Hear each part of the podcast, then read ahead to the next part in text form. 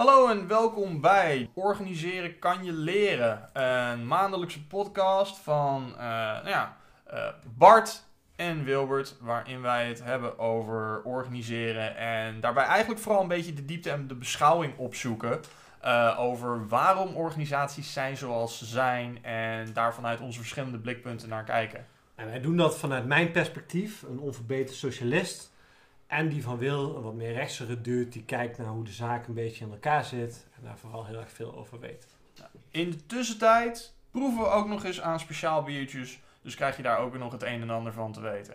Ehm, ja, we nodigen je van harte uit om even te gaan zitten. Of als je dit in de auto luistert, eh, gewoon lekker door te rijden, maar dan zonder bier. Ehm, en ja, eh, eigenlijk eh, bij ons aan tafel te gaan zitten. Bij ons gesprek hierover. Ja, en als je geïnteresseerd bent in bedrijven of in bier, dan zit je bij ons goed.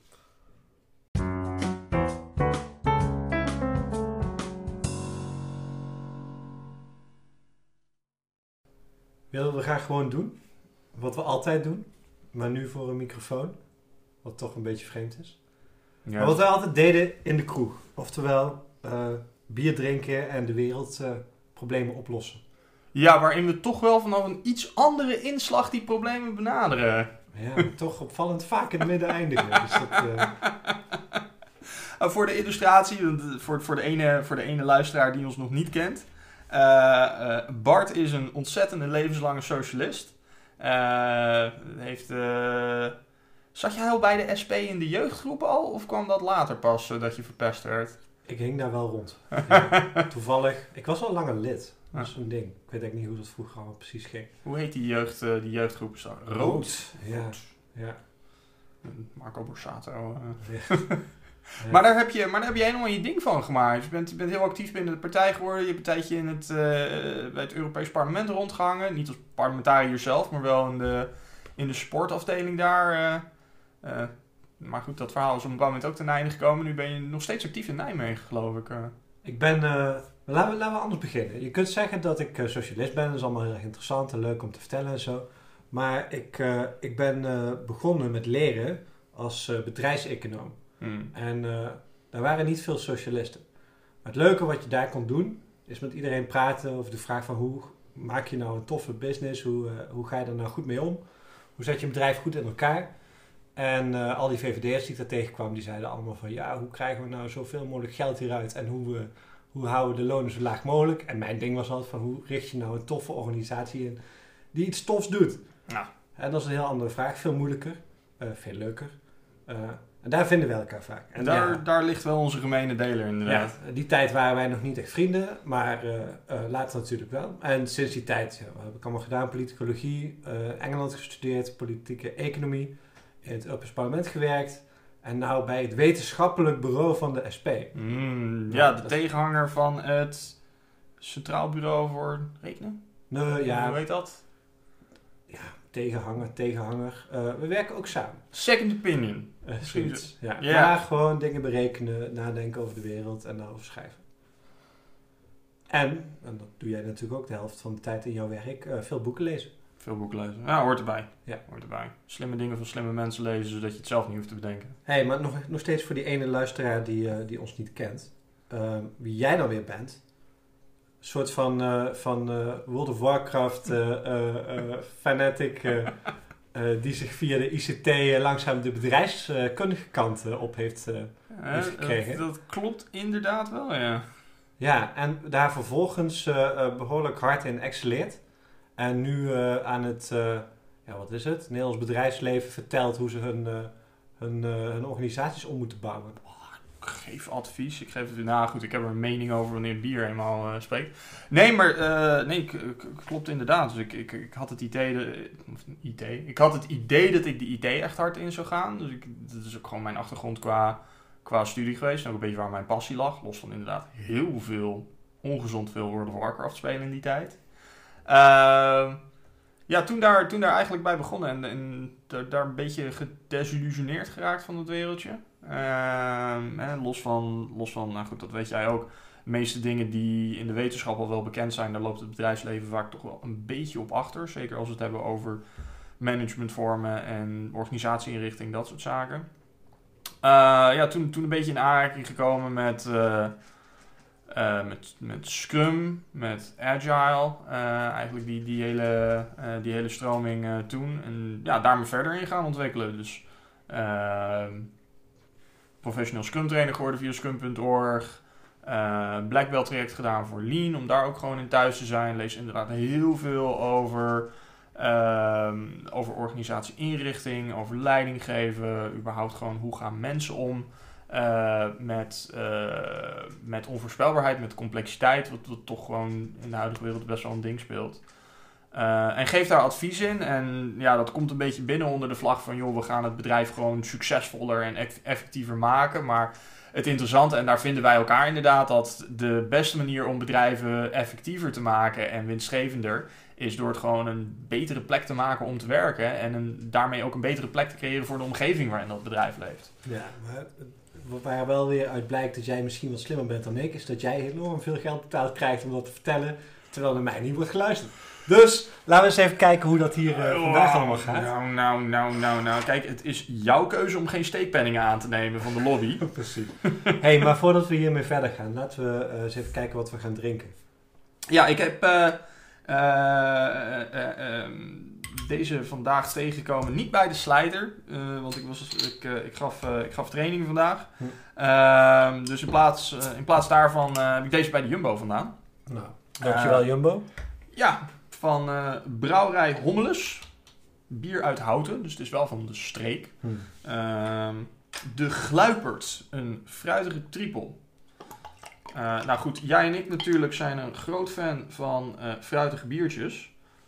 Nou, althans, wij zijn een groot fan van één fruitig biertje in het bijzonder. De legendarische Troche Chapeau Ja, Banaan. die niet onvernoemd kon, kon blijven vandaag natuurlijk. Het beste, beste openingsbiertje wat je kan krijgen bij Café België in Utrecht. Ja, klopt, klopt, klopt. Helaas, helaas iets te moeilijk om, eh, om de hele microfooninstallatie mee te nemen die kant uit. Is dat bier eigenlijk überhaupt ergens te krijgen? Eh, nou, ik heb het ooit eens opgezocht en die, die brouwerij... die eh, hebben de allerlei soorten fruit. eh, al- eh, Ja, Dat is een gigantisch ding. Nou, eh, ja, voordat we daar... op je gezondheid. Ja. Ja, ook. Hmm. Ah, Ja, dat is best lekker. Dat is wel zuur. ik ben benieuwd eh, of we ook nog aan het tweede biertje toekomen in deze, dit verhaal. Was het zien? We gaan het, eh, we gaan het bekijken, we gaan het bekijken. Maar het is lekker. We zijn inmiddels al wel zeven minuten bezig. Jee. Nou. Ehm, wat gaan wij eens aansnijden vandaag? Heb jij onlangs nog iets interessants gelezen? Nou, ik ben iets aan het... eh, ik ben een artikel aan het schrijven. Dat, dat is eigenlijk de helft van mijn werk. Schrijven voor een, eh, een blad dat heet De Spanning. Brengen we één keer in de twee maanden uit. En dat gaat over een onderwerp waar ik wel even met jou over wilde praten. Ehm, er zijn een aantal kanten aan dit verhaal. Laat, ik- laat ik een beetje, beetje vertellen wat ik ongeveer in mijn hoofd heb. En op welke gebieden ik benieuwd ben naar jouw mening of jouw inzichten of wat jij ervan weet. En dan eh, rollen we denk ik uiteindelijk langzaam richting de vraag... wat is er nou aan de hand bij Boeing? Mhm. En eh, eh, wat, wat kunnen we daarvan leren? Wat gaat er fout, wat gaat er goed? En wat moet daar anders? Ja. Waar het verhaal over gaat, in grote lijnen... is de vraag wat er is veranderd in de verhouding tussen de baas Mhm. en de werker. Mhm. En deze week, is de week van de algemene beschouwingen. Eh, ik heb, het is vandaag donderdag en, en, en gisteren op woensdag heeft eh, Klaas Dijkhoff, fractievoorzitter van de VVD, de halve dag lopen praten over de Philips maatschappij. Mhm. Het idee van een bedrijf dat zich eh, bemoeit met hoe het gaat in de wereld, ehm, zorgt voor huisvesting in de buurt, zorgt voor geld waar, waar, waar kinderen van, van werkers een opleiding mee kunnen volgen. Oftewel een, een, een, vrij maatschappelijk betrokken organisatie. Mhm. En zijn stelling was van ja, we moeten eigenlijk meer bedrijven hebben die zich spiegelen aan dat oude Philips. Mhm. En dan niet precies zoals het oude Philips, wel nieuw. Hè, Brainport wordt dan gelijk allemaal erbij gehaald. Ja. Dus die nieuwe, nieuwe samenwerkingsverbanden, nieuwe bedrijven. Eh, en minder zoals Uber. Dus Uber dat zich als, als, als ja, wel Ja, zeg het maar de redelijk- ultieme redelijk- disruptor, om dat, dat woord er ook maar eens even in te gooien. Ja, het is, het is red- redelijk eh, predatory, eh, Ja. eh, die manier van omgaan met mensen. Maar dat, dat, dat zie je ook een beetje meer meer in de, in het algemeen in de, in de gig-economie. Ehm, we, hebben, we hebben natuurlijk ook eerder gehad over dat het, dat het ZZP-model in Nederland uh, compleet over zijn toeren gegaan is. Hè. Er zijn ZZP'ers die het absoluut hartstikke goed doen. Ik ken er veel van. Ehm, maar inderdaad, het type kenniswerk dat zijn eigen tijden en lonen bepaalt en hm. daarmee ook gewoon heel succesvol is en dat kan doen. Uh, maar dat inderdaad op een bepaald moment totaal gehijacked is door in Nederland de, de postindustrie, misschien, misschien als, als een voorbeeld daarvan. Ja, het is niet precies waar ik naartoe wil, maar, maar heel even een klein bruggetje nog in te maken. Kijk, we hadden het net heel eventjes over dat boek Ghost Work. Hè? Dus het gaat over, over dat dus artificial intelligence uh, voor een groot deel wordt ondersteund door zo'n wereldwijde groep van werkers die via een, uh, een platform, of dat nou Mechanical Turk is of, of, of, of andere varianten daarvan, um, continu het werk is om dat artificial intelligence een beetje fatsoenlijk online te houden. Het grappige daarbij is dat een heel erg groot deel van de mensen die dat werk doet, waar dan ook ter wereld, of dat nou in hm. India is of in de VS, die zeggen dat ze dat doen vanwege de, de, de, de, het gemak waarmee ze het kunnen combineren met het familieleven. En dat is ook hm. een reden waarom ze vaak niet uitgaan. Ja. Dus het wordt ook wel ergens eh, goed bediend, uh, ondanks alle grote nadelen. Nee, maar waar ik eigenlijk wat meer met jou over wilde praten vandaag, is wat is er nou gebeurd ehm, dat die verhouding zo anders is geworden hm. tussen zo'n bedrijf en werkers. En ehm, ja. En waar, waar is dat begonnen? Ja. Uh, en wat betekent het uiteindelijk voor werken op de werkvloer? Ik denk namelijk dat er, dat er twee grote trends te vinden zijn. Eén is de, de vraag wat er is gebeurd met de dominantie van de eigenaar of de, de, de, de, de aandeelhouder, de mm. shareholder in het Engels. En het tweede is de vraag: hoe zorg je nou dat. Dit is allemaal geleid op met name korte termijn denken hè, en, en korte termijn resultaten. En de vraag is of dat niet is doorgecijpeld in een manier, in combinatie met zeg maar lean uh, werken, heel strak werken. ja, uh, naar een, uh, een cultuur waarin er op ontzettend microniveau gemanaged, gecontroleerd wordt. Ja. waardoor de hele boel heel erg vastloopt, heel veel controle is. Ja. en dat de cultuur is waarbinnen het idee altijd is van we gaan heel erg veel kosten uh, beperken en heel eff e-, efficiënt werken. Hmm. Maar de uitkomst misschien wel het totaal tegenovergestelde is. Dat is een beetje de grote lijnen waar ik... Ja, dus het is... Uh, pak er een deel uit. Er zit, er zit natuurlijk er zit een hoop in, want, want, want je, ziet, um, je ziet wel sommige bedrijven weer uh, terugkeren naar dat model. Um, een beetje noodgedwongen. Dus, dus, het makkelijkste voorbeeld, internationale voorbeeld daarvan is um, ehm, ASML. ASML heeft, uh, heeft, heeft wereldwijd contacten en uh, basisschoolbeurzen, tot aan basisschoolbeurzen aan toe, om mensen geïnteresseerd te krijgen in dat werkgebied. Een ander Nederlands bedrijf, Lely, uh, goed, hè, er werken een paar vrienden van ons natuurlijk.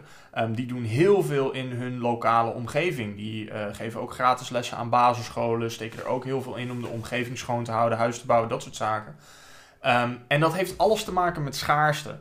Want het kost hun gewoon super veel moeite om uh, het, het, het, type specialist te vinden wat zij nodig hebben om als, om als bedrijf te floreren. Um, en in de tijd van een. Uh, als we terugkijken naar, naar, naar, naar, een, naar een jongere tijd, of de, vroege tijd. Um, bedrijven waren veel meer nationaal gevestigd. Je ging veel minder snel mensen van buiten naar beneden halen. En ook het, uh, het onderwijs en de vooropleidingen en dergelijke waren allemaal nog niet zo succesvol geregeld als vandaag. Plus je had maar de helft van je, nou, nu is het heel cru, maar ja, maar de helft van je workforce, want vrouwen werkten niet. Uh, is, uh, er is een hele interessante talk daarover beschikbaar van Jordan Peterson. Een van de weinige keren dat hij buiten zijn eigen veld iets zinnigs zegt. Uh, maar waarin hij wel zei van ja, op het moment dat jij, dat jij je workforce verdubbelt, doet dat wat met de beloning en doet dat wat met de manier waarop bedrijven mensen benaderen. Um, dat is wel grappig. Ik denk dat dit het eerste moment is dat Jordan Peterson en Wolfgang Streek elkaar uh, treffen in, uh, in, de mening. Ja, dat is absoluut waar, natuurlijk. Ja, dus, dus, dus een beetje de optelsom. En ik zeg niet dat dat de enige reden is, maar uh, het is natuurlijk wel een factor dat, dat, dat als, ehm, als de mensen die jij nodig hebt om te floreren als bedrijf een schaars goed zijn, ehm, dan ga je er meer tijd in steken. Uh, daarbij ook nog eens als de mensen die voor jou werken waarschijnlijk uit je eigen omgeving komen. ehm, en je daarmee een, eh, dus, dus waarschijnlijk ook wat meer een band smeet, ehm, dan ga je dus ook meer voor die omgeving zorgen.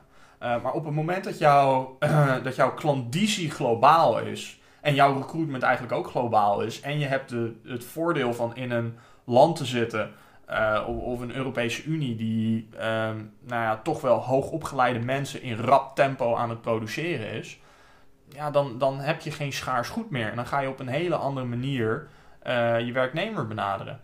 Ehm, Ja, maar wat je, wat je in essentie zegt is dat een bedrijf globaler is geworden. Zich wereldwijder kan manifesteren. Dat is niet altijd zo geweest, hè? Nee. Dus, dus voorheen was het best, best wel lastig voor een bedrijf om te zeggen van... nou, we zitten nu in Nederland, we gaan voortaan Hongarije verder. Ja. Dat is nu veel makkelijker. Ehm, binnen Europa is het zelfs een van de, van de echt fundamentele rechten. Het wordt als jouw kapitaalvrijheid gezien, als jouw ondernemersvrijheid... eh, om je te mogen verplaatsen. Bijvoorbeeld, er zijn een aantal eh, fascinerende eh, uitspraken van het Europese Hof Mm. tegen vakbondsrechten om daartegen te demonstreren. Ehm, dus voorheen had je, had, je, had, je, had je bedrijven of had je kapitaal dat meer gebonden was, maar dat zich ook meer gebonden voelde. Ja. Of in ieder geval het soort leiders dat, daar, dat, dat, dat je daar zag, Ja. eh, waren ook de culturele elite, waren ook de mensen die de sportverenigingen Ja. eh, voorzagen van, van alles. Mooi, mooi voorbeeld daarvan. eh, mijn vriendin en ik waren recentelijk in, in Canada. In Winnipeg. Dus natuurlijk Canada is een gigantisch land met heel weinig mensen. Echt, de bevolkingsdichtheid is echt een honderdste van wat het hier is, zo'n beetje. En ehm, de, eh, wij waren langs bij vrienden daar. De, de vader van een van die vrienden die stelde zijn eh lake cabin ter beschikking voor, eh, voor het weekend. En wij zijn dus een beetje ook aan de praat geraakt met die man. En die had die heeft een aantal eigen zaken gehad. Eh, altijd heel goed geweest voor zijn mensen. Heeft meermaals zelfs lokale prijzen ervoor gewonnen. Maar die vertelde ook van, joh, al die zaken hier in de buurt zijn verweven met elkaar. Dus als het eens een keer wat beter ging met ons en wat slechter ging met, met, met een van de andere bedrijven in deze regio, en dan waren wij er helemaal niet zo moeilijk mee om ze later te laten betalen of eens een keertje wat voor te schieten of dat soort dingen. Ehm, want als het dan eens een keertje wat brakker ging met ons, dan, dan kregen we dat ook gewoon terug. En samen moet je die community in stand houden. Dus inderdaad, dat lokale, dat speelde heel erg een rol daar. En dat zorgt voor best wel verantwoordelijk ondernemen. Ja, in ieder geval lange termijn denken bij dat soort relaties. Wat je trouwens ook nog steeds ziet wel bij familiebedrijven. Hè? Dus Mm. bijvoorbeeld McCain of zo, die hebben langdurige relaties met, met hun, hun, hun, hun, hun leveranciers en alles. Ja. Het is niet helemaal weg. Het is, Alleen het, eh, laten we zeggen, de, de, de hele duidelijke impuls. Zeg maar, het was niet alleen maar omdat het ehm, goed voelde om te doen. eh, of omdat je die mensen kende, maar het was ook sustainable een bedrijf draaien in jouw gemeenschap was ook gewoon goede business. Want jij was actief binnen je gemeenschap. Je was gewoon als, als eigen bedrijf onderdeel van dat ecosysteem. Ehm, en met de, met, met, met de schaalvergroting van bedrijven en de globalisering is dat losgetrokken eigenlijk. Je, je kan als bedrijf kan je een gigantische ravage inrichten in, eh, in het gebied waarin je zit. Ehm, en, en er in één keer uit wegtrekken en alles met je meenemen en een hoop werklozen achterlaten. En maakt eigenlijk niet uit. Eh, op, op papier. eh, voor jouw bedrijf. Je gaat, je gaat lekker naar een laag lonenland zitten. Je gaat daar je productie regelen. Ehm, je rost gewoon door die mensen heen. Want hè, voor de een nog, nog drie anderen. Ehm, dus ja, dan, dan hangt het veel meer van de, eh, van de, van de, van de ethiek af van zo'n bedrijf. Of ze daar mee willen gaan, ja of nee. Ehm, en ja, het, het, het is gewoon heel moeilijk eh, voor mensen om nog steeds die. Om, om zich te realiseren dat ze met mensen te maken hebben. als jij eigenlijk alleen maar te maken krijgt met cijfers op een papier. Ehm, dus ja, de. de ehm, ja, dat, dat, dat, is een, dat is een gevolg van een systeem. nou ja, het is een, uiteindelijk het gevolg van dat het makkelijker is gemaakt om zo makkelijk die grens over te gaan met dat bedrijf. Ja. Dan, Dat is ook alweer interessant in die algemene beschouwingen. Uh, Klaas Dijkhoff is dan niet bereid om terug te denken aan wat is er nou veranderd waardoor deze situatie is ontstaan.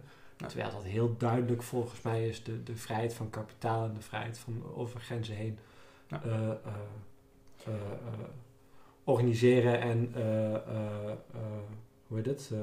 ondernemen. Mm maar goed, dat dus op zich is dat als je, als je daar niet die kant niet op wil, ik denk ook niet dat hij die kant op wil, dan, dan houdt, dat, houdt dat op.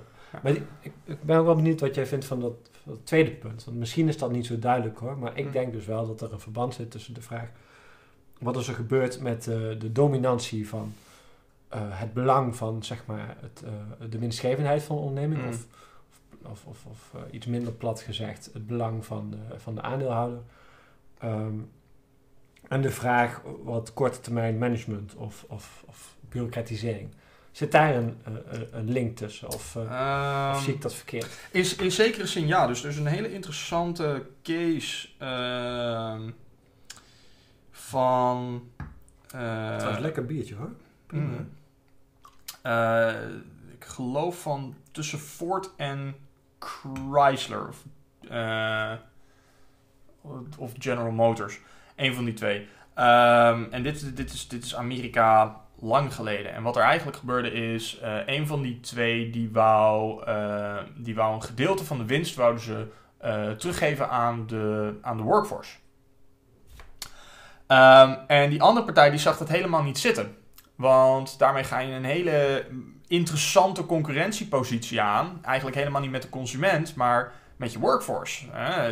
Dit, dit was geloof ik ook nog in de tijd van dat er af en toe nog eens een staking plaatsvond daar. Ehm, dus wat daar toen gebeurd is, is er is richting de Senaat gelobbyd. eh, eigenlijk in het belang van aandeelhouders die op dat moment zich nog helemaal niet zozeer daarvan bewust werden. Ehm, waar, eh, waar uiteindelijk, en nu ga ik hem echt heel erg, heel erg cru samenvatten. Uh, maar er bij wet is neergezet dat een bedrijf uh, winstmaximalisatie voor de aandeelhouders moet bereiken. Ja, ik heb dat wel eens be be bestudeerd. Want ik heb daar vaak van gehoord. Het is een maar, soort van mythe ook, dat dat bestaat. Het valt een beetje tegen als je het vervolgens bekijkt. Het is ja. niet zo, zo, zo sterk, maar het is wel ongeveer zo. Nou, en het, en, het, en het probleem wat je tegenkomt is... Uh, mensen gaan zich gedragen naar datgene waarop ze beloond worden. Maar erger nog, mensen gaan zich gedragen naar datgene waarop ze gemeten worden. Dus als ik het gesprek binnen een bedrijf, en dit, kan je heel erg, uh, heel, heel erg snel doen, dit, hier kan je ook thuis mee experimenteren, is als ik continu het gesprek over een bepaald iets ga hebben, dan ga je denken dat dat onderwerp belangrijker is. En als ik het over iets meetbaars laat gaan, dan ga je vaker kijken naar datgene uh, wat ik daarin noem. Dus op het moment dat ik binnen een bedrijf een gesprek continu ga kantelen richting winstgevendheid voor aandeelhouders, dan verandert die cultuur langzaam maar zeker. Ver voorbij wat, wat zelfs een originele wet daadwerkelijk daarover zegt. Maar het is, het is, het, het is een opbouwend effect daarover. Ja. Tot het punt waarop je, uh, waarop je het, het, het Wall Street Gordon Gekko-achtige type kreeg. Um, die dat uh, eigenlijk gewoon à la confirmation bias weer terug ging verantwoorden naar ja, aandeelhoudersmaximalisatie is ook het hoogste morele goed om te halen. Ja, ik wil er ik wil inderdaad iets op verder gaan, maar daarvoor nog eventjes Milton Friedman erin gooien. Dus je hebt op een gegeven moment Milton Friedman, een van de belangrijke uh, rechtse denkers van zijn tijd, die in de New York Times een stuk publiceert waarin hij eigenlijk zegt van ja, het enige wat een bedrijf zou moeten nastreven is winst. Mm. En uh, dan heb ik het niet over de, de managers die het leiden als persoon, maar wel in, hun in het leiden van de organisatie is dat het enige waar ze zich op moeten baseren. En hij zegt niet per se korte termijn, komt het in de praktijk Mm. met een bepaalde dynamiek en met name met een, uh, uh, een aandeelhouders, een openbare verhandeling van aandelen komt het daar natuurlijk al heel snel op neer en dat verhoogt die druk. Maar zijn, zijn, zijn argument was ook een morele, namelijk dat als je dat niet doet, als je als bedrijf je ook op andere doelen gaat stellen, die doelen altijd ontzettend arbitrair zijn en daarmee krijg je een soort van, van totalitarisme. Mm. Um, en je hoeft zijn argument niet eens helemaal te geloven, maar uh, als je daarin meegaat, dan kom je er dus op uit dat het moreel het beste is om te doen eh, wat, eh, wat je wordt voorgeschreven. Gewoon zo hoog mogelijk winst maken, hoe dan ook. En eh, als het op een manier gaat die niet mag, dan, dan fluit de wet je wat terug en dat soort. Ja, het is, het is, het is, het is je standaard cognitieve dissonantie. Hè? Je gaat, je gaat datgene wat er gebeurt. Je, hebt- je hebt simultaan het geloof dat jij een goed persoon bent. Iedereen in de wereld heeft wel het idee dat hij een goed persoon is en, en goede dingen doet. Ja, dus je moet, ook, je moet ook het gevoel hebben als je iets doet, Ja. dat dat, dat daar Dus, in dus zit. je gaat al heel snel voor jezelf redeneren van waarom dat dus goed is. Want anders zou dat, anders, anders zou er een, ja, dan krijg je een, een, een dissonantie. Hè, het, die twee dingen kunnen niet tegelijkertijd waar zijn. Dus ga je de wereld vertalen naar een model waar ze wel tegelijkertijd waar zijn. Ik ben een goed persoon en ik ben bezig met winstmaximalisatie. Ja. Overigens, ehm, maar daar wil ik het eigenlijk niet per se verder precies over hebben. Ik vind de andere kant ook wel ingewikkeld hoor. Als er dan nog meer doelen moeten zijn, wat moeten die doelen dan precies zijn? Dat is Ah, wel is- lastig. hè? Is een, is een hele interessante. Ik, ik heb jou ooit eens een keer een tip gegeven over eh Frederik Laloux. Hm. Eh, Reinventing Organizations. Nou, dat, dat, dat blijkt een best wel oppervlakkige blik te zijn op een eh, wat dieper gelegen discipline. Eh, Spiral Dynamics van Don Beck. Hm. Ehm, en die doet eigenlijk, ehm, en, en daar wordt eigenlijk neergezet van, joh, een, een organisatie, een organisatie in de brede zin van het woord, dus een groep mensen die ik bij elkaar zet, is een organisatie. Het organiseert zich. Ehm, die, eh, die gaat door een aantal vormen heen, eh, terwijl het groeit hè, qua, qua cultuur. En dat begint met echt eentje op harde machtsdynamiek. Ehm, hè, dus recht van de sterkste, eh, dat soort dingen. Dus de standaard maffia die daarbij het meeste overeenkomt. Richting een veel meer, eh, veel meer procesgedreven iets.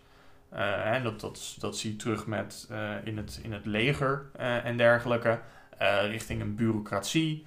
Richting uiteindelijk veel meer het, het soort organisatie wat, ehm, wat, wat winst nastreeft eigenlijk. En zich daaromheen organiseert. En vanaf daar groeit het naar een, het soort organisatie dat een breder doel heeft dan dat.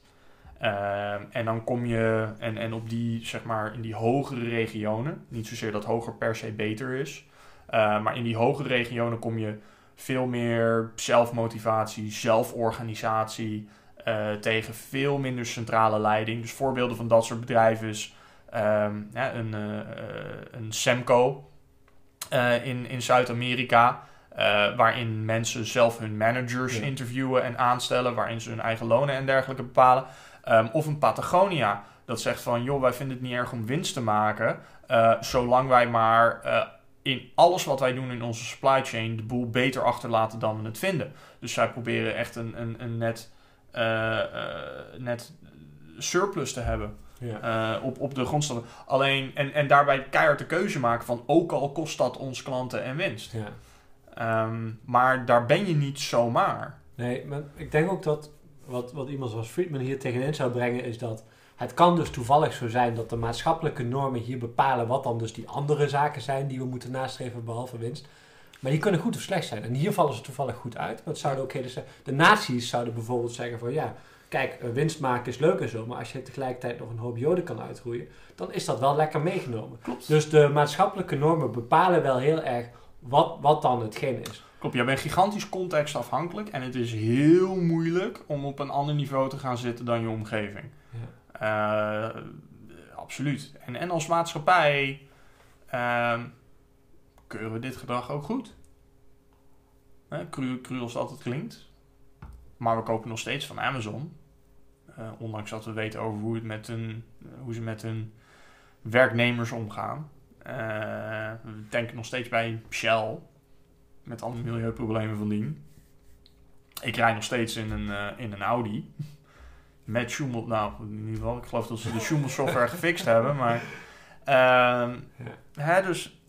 ehm, ja, en, en, en zodoende. En het, het, is heel moeilijk om daar een, een, een stand op in te nemen, omdat de meeste organisaties gigantisch verweven zijn met onze infrastructuur. Dus we hebben er ook maar heel weinig over te zeggen. Ehm, ja, als, als je... eh, als Amazon ermee zou nokken, is ongeveer een derde van het internet dat eruit ligt.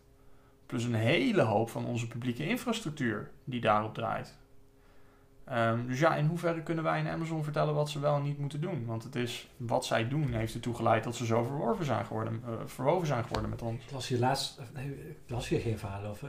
Was die vrouw, ik ben even haar naam kwijt. Dus die hele bekende vrouw. Ze was een, tijdje, een paar jaar terug ook uh, zomergast. Um, dus die vrouw die heel veel heeft gedaan met de, de opkomst van het internet in Nederland. Maar niet zoveel uit. Zij vertelde een verhaal over dat um, er bedrijven zijn die op dit moment enorm veel fietsen dumpen in grote steden en die verhuren. Hmm. En wat er dan uh, in, de, in de reële maatschappij gebeurt, is dat de normale fietsenverhuurder, die daar al waren, die worden eigenlijk de markt uitgeprezen, want deze bedrijven doen dat tegen uh, uh, ja, echt minimumprijzen. Hmm. Maar ze met lang niet, echt, echt super lang niet genoeg geld voor terugkrijgen uh, om die fietsen te kunnen betalen. Maar waarom doen ze het? Ze zijn heel erg geïnteresseerd in de data van die fietsers. Ja. Dus ze dumpen die fietsen daar, uh, ze laten al een paar jaar gaan. Ondertussen gaat die fietsverhuurder failliet. En tegen de tijd dat, uh, dat ze hebben wat ze willen, vertrekken ze weer. Daarmee vernietig je de infrastructuur. Hmm. Maar dat bedrijf heeft wel hetgene gehaald wat, wat, wat nodig is. En het heeft er alle schijn naar dat, dat een, een, bedrijf als Uber ongeveer hetzelfde doet. En dat doen ze nu al met, met, met, met, met auto en taxi. Uh, Uber, Uber heeft... Ze willen ook de openbaar vervoer zoveel mogelijk in handen krijgen. Ja, maar Uber heeft ook, heeft, heeft daar nooit, is daar nooit stiekem over geweest. Die hebben ook gewoon aangekondigd van, ja, weet je, dat ridesharing, uh, dat, dat is tijdelijk. Ja, Want het zij is willen data geschreven, uh, gedreven Ja, bedrijf. zij, zij, willen, zij willen zo snel mogelijk zien van, joh, waar is het interessant voor ons om zelfrijdende voertuigen neer te zetten? Want dan zijn we van die, uh, van die andere mensen af. Ja, dat betekent dus dat je politiek moet kijken van, joh, wat, bedoelt, wat doet dit bedrijf nou precies? Is het nu gunstig? Is het op lange termijn gunst, gunstig? Zo niet, ja, dan moet je bedenken of je dat nou wel wil. Ja, ja en welke, kunt binden. welke, welke ruimte heb je daarin gelaten? Um, dat is heel interessant, want ik, ik, ik, ik was toevallig vorige week in Amerika. Um, en dan, dan spreek je nog eens met wat mensen. Dat is wel leuk. En we, hadden het een beetje over de, over de internetstructuur hier in Nederland. En uh, ik, kreeg, uh, ik kreeg laatst een brief binnen van um, e-fiber. Van joh, wij willen, wij willen glasvezel gaan trekken in deze wijk. Maar we moeten wel voldoende aanmeldingen hebben om het interessant te maken. Dus ik ging zo eens kijken. Want ik dacht dus eerst van ja, dat zal iets zoals KPN zijn of zo. Maar het blijkt dat e-fiber die legt alleen de lijnen. En er zijn verschillende providers die daar overheen diensten leveren. Uh, en die zijn er van het type dat ze, dat ze zo'n box bij je neerzetten die je niet in eigen beheer hebt. Nooit doen natuurlijk. Gewoon alles bij jou thuis moet jij gewoon admin van zijn. Hm. Uh, maar je hebt ook, uh, ook een, uh, een kleine internetprovider. Die is opgezet door mensen van Tweakers. Die heet dan ook Tweak. Um, en die bieden ook gewoon een pakket aan voor nou, best wel echt goede snelheden voor een lage, uh, lage prijs. Waarbij ze wel zeggen van, je kan ons betalen om het in te, in te, stellen. Dat is wat extra, maar je kan het ook gewoon zelf doen. Uh, en dan lever je zelf je router aan en dat soort dingen. En ik vertelde dat daar aan die Amerikanen. Die zeiden van, ja, maar dat, dat is hier dus totaal niet zo. Want, want de provider is ook de eigenaar van de infra. En jij kan helemaal niet wisselen in sommige, sommige wijken. Dus, en dit is het mekka van het kapitalisme. Waar gigantische monopolisten heersen. Um, en eigenlijk, zij, zij vonden het wel ironisch dat in een land waarin wij, dat, waarin wij die sector juist gereguleerd hadden. Uh, in het geval van glasvezel in ieder geval. Waarin we zeiden van joh, uh, degene die het net aanbiedt. Uh, die moet zichzelf openstellen voor, uh, voor providers erop. Uh, of in het geval van e-fiber zelfs, dat is alleen maar iemand die het net biedt, maar zelf geen provider is. Uh, leidt tot een veel betere diversiteit aan bedrijven die heel mooi concurreren met elkaar op basis van wat voor soort klantgroep ze, aan, ze aanzoeken. wat voor soort service ze erbij leveren, wat voor soort snelheden ze erbij leveren. Um, terwijl in een land als dat, waarin dat ongereguleerd is, het effect is dat het eigenlijk ten koste gaat van het kapitalisme. Ja, nee, maar dat, ik, ik ben totaal niet verbaasd. Maar ik heb wel eens met jou gehad, volgens mij, over uh, dat ik uh, een beetje in de buurt zat van die TTIP-onderhandelingen, hè, het Mhm. Europees Parlement. En een van de dingen die, die mij enorm opviel, ik werkte toen voor de, uh, ja, of min of meer bij de Commissie voor Interne Markt Consumentenbescherming. En een van die dingen die opviel bij TTIP, met name als het ging over aanbesteden en dergelijke zaken, is dat in de VS alles eigenlijk per staat is geregeld. Dus totaal verschillend overal, met heel veel bescherming eigenlijk voor lokaal. Er zit best wel wat, wat zinnigs tussen hoor. Mm. Uh, want je, je hebt altijd uh, dit soort zaken met, met monopolies. Ja, maar je hebt ook wel veel lokale bescherming en dat is niet altijd slecht. En je hebt natuurlijk Amerikaanse staten hebben veel meer gemeen met landen dan met provincies. Ja, maar, ook, maar wat, wat dus het grote misverstand is, of iets waar ik destijds echt wel anders over dacht door de reputatie, is dat in de VS allemaal veel uh, meer vermarkt was. Maar dat bleek helemaal niet zo te zijn. Het bleek per staat veel beter beschermd te zijn. En het moment dat Europa daarin kwam met, met, met wetten over aanbestedingen en, en dergelijke zaken, bleek eigenlijk telkens dat de, uh, de vermarkting en de, de mate waarin dat allemaal was, was vrijgemaakt in Europa, dat je bijvoorbeeld een aanbesteding boven een bepaald, bepaald bedrag echt de hele wereld, of, de, of in ieder geval heel Europa overslingert, ja. zonder eigenlijk enige bescherming van lokale zaken. Um, dat kon in de VS helemaal niet. Dat was vaak, uh, je moet in ieder geval 80% van je, van je werkers uit de buurt halen. En, ja. uh, dus dat, dat was veel dichter, uh, ja, dichter bijgehaald telkens en, en, veel beter beschermd. En in heel veel zaken en, en situaties is daar heel wat voor te zeggen. Het is gewoon onzin dat als je ergens een school hebt en je moet de schoonmaak gaan, gaan aanbesteden, dat er een bedrijf in Polen is wat dat overneemt. Ja, waarom zou dat? Ja. Um, goed, uh, dus dat, dat, dat misverstand, uh, dat, dat, uh, dat het een beetje anders blijkt te zijn. In de VS krijg je daar dan overheen dat er nog een flinke lobby tegenaan zit. En dan krijg je dit soort monopolies. Ja, dat ja. me helemaal niks. Um, even kijken. En even... even ja, we moeten even terug naar... naar full circle gaan, inderdaad. Naar, naar waar we begonnen. Want op een bepaald moment... Um, trigger je mij. Ik ben niet eens een millennial en ik werd getriggerd. Ja. Want je riep op een bepaald moment het woord lean. En, uh, ja, en, en, zucht naar efficiëntie en dat soort dingen. En dat is inderdaad, dat is wel. Um, lean is een redelijk verminkt begrip geworden. Uh, en, dat, en dat doet een beetje pijn, want um, als, je, als je inleest op wat het echt is en waar het vandaan komt en wat de gedachtegang daarachter is, um, dan, dan is dat ook weer iets waarvan ik denk van, nou ja, weet je, een beetje, beetje vakbondsgerichte socialist die staat daar gewoon juichend achter. Uh, maar dat, dat, heeft alles te maken met dat het op een bepaald moment gewoon helemaal losgetrokken is van zijn filosofie en, en, en, een eigen leven is gaan leiden. Dus de. Um, want Lean natuurlijk komt van, komt van Toyota af. Um, en, en Toyota in die tijd, en, en voor een heel groot gedeelte van het bedrijf gaat nog steeds, was een bedrijf waar je gewoon levenslang een baan had.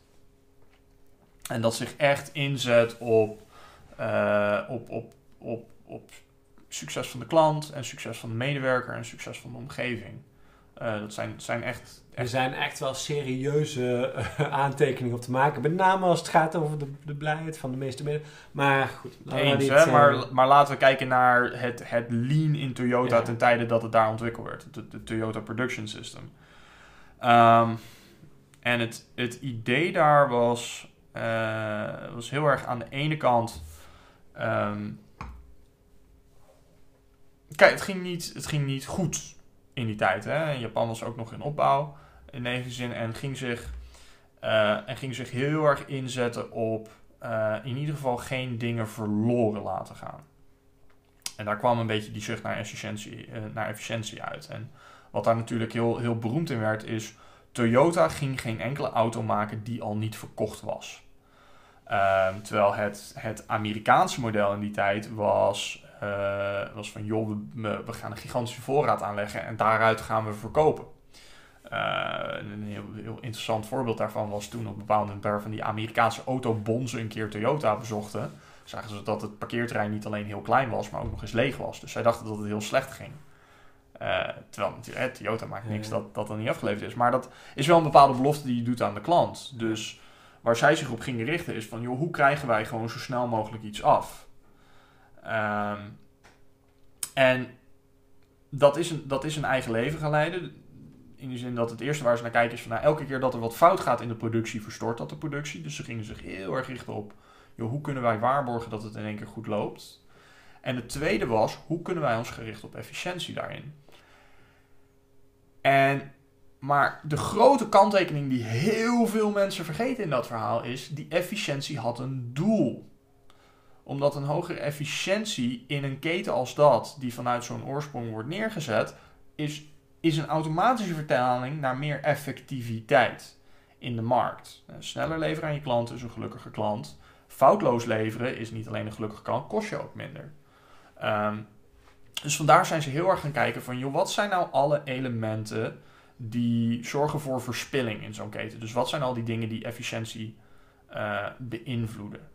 Nou, Lean kent acht soorten van waste, uh, verspilling. Ik weet niet of je een beetje bekend bent uh, mee. Lean is wat ik uh, kreeg gedoseerd toen ik bedrijfseconomie. Oké, okay, dus u... Maar we hebben het wel even over, wat is het, 15 jaar terug? Dus, dus wachttijd. spul dat gewoon zitten wachten op de volgende stap in het, in het proces. Correctie, dingen die gewoon in één keer goed hadden moeten gaan. Ehm, transport. dus we kunnen er niet aan werken, want we zijn het ding aan het verplaatsen. Voorraad nou, wederom, voorraad zit maar aan te, te wachten. Uh, uh, beweging. Even kijken. Heb ik, al, heb ik al beweging? Wachten, correctie, transport. Ja, beweging. Beweging van de mensen. Hè, dus jij die van de, ene, van de ene loket naar het andere moet gaan. Overbewerking. Te veel doen aan het product eigenlijk. En dat was, dat was natuurlijk wel, wel heel erg eigen aan Toyota's. En is in zekere zin nog steeds eigen aan Toyota's. zijn redelijk uitgeklede auto's. Uh, over productie. Hè, meer maken dan wat de klant om vraagt. Dus dat vertaalde zich al heel snel naar alleen maar. En de laatste, en deze heeft alles te maken met mensen. En dat is verspilling van talent. Want wat bleek, mensen die gewoon dag in dag uit aan de gang waren met het maken van de dingen, uh, die aan den lijve meemaakten hoe dat proces verliep, die hadden gewoon de beste ideeën uh, over hoe ze dat proces konden gaan verbeteren. Dus de, de origine van, van, van, van Lean is heel erg empowerend voor de werkvloer. Daar komt ook een van die uh, vaak misgebruikte Japanse woorden vandaan. Hè? Gemba, de werkvloer, daar waar het gebeurt. Er werd daar heel erg aangemoedigd naar managementlagen van, van je gaat helemaal niks doen en niks zeggen en niks ingrijpen tot je op de werkvloer bent geweest. En, en het geobserveerd hebt en gepraat hebt met mensen. Um, en ja, dat leidt tot veel meer efficiëntie. Maar ook dat weer, het diende altijd een doel. Op een bepaald moment is, uh, is daar een, uh, een onderzoek naar gedaan door mijn hoofd Woburn en Mac. Um, en die hebben, dat, die hebben dat zo geobserveerd. Die hebben een momentopname gemaakt.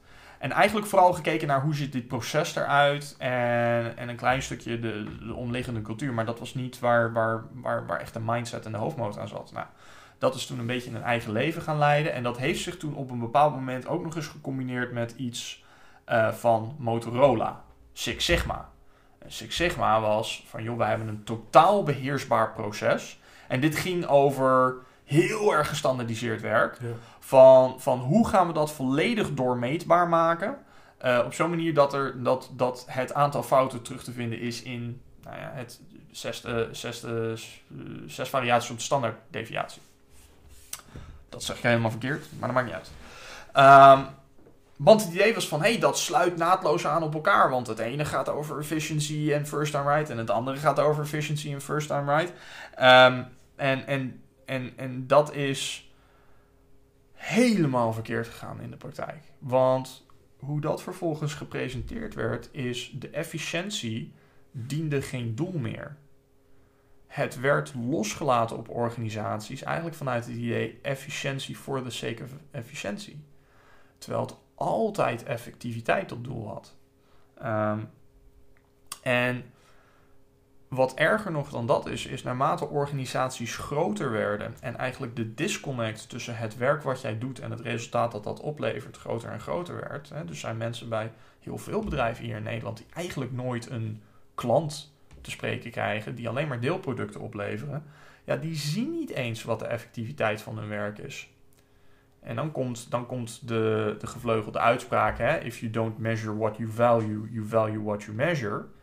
Uh, in combinatie met wat we eerder noemden, dat mensen zich gaan, dragen naar de, gaan gedragen naar datgene waarop gemeten wordt, um, dat een bedrijf zich opeens volledig met z'n allen op efficiency stort en daarmee mensen zo druk mogelijk probeert te krijgen en zoveel mogelijk te laten produceren, het liefst tegen zo weinig mogelijk kosten, waarvan eigenlijk niemand meer weet waarom dat plaatsvindt. Dit lijkt me een goed moment voor een, uh, een korte pauze. Al is het maar omdat ik een, uh, nieuw biertje ga halen. En, uh, maar daarna moeten we vooral even verder gaan over Boeing. Mm -hmm. over de vraag van hoe gaat het nou precies dat, dat, dat ja, laten we zeggen, eh, super eh, eh, efficiënt gemanaged. En vooral ook hoe reageren mensen op het worden afgemeten op een paar, zoals dat in, die, in mijn studietijd heette, key performance eh, indicators. Oh, ja, ja. En al die ellende. Goed, mooi.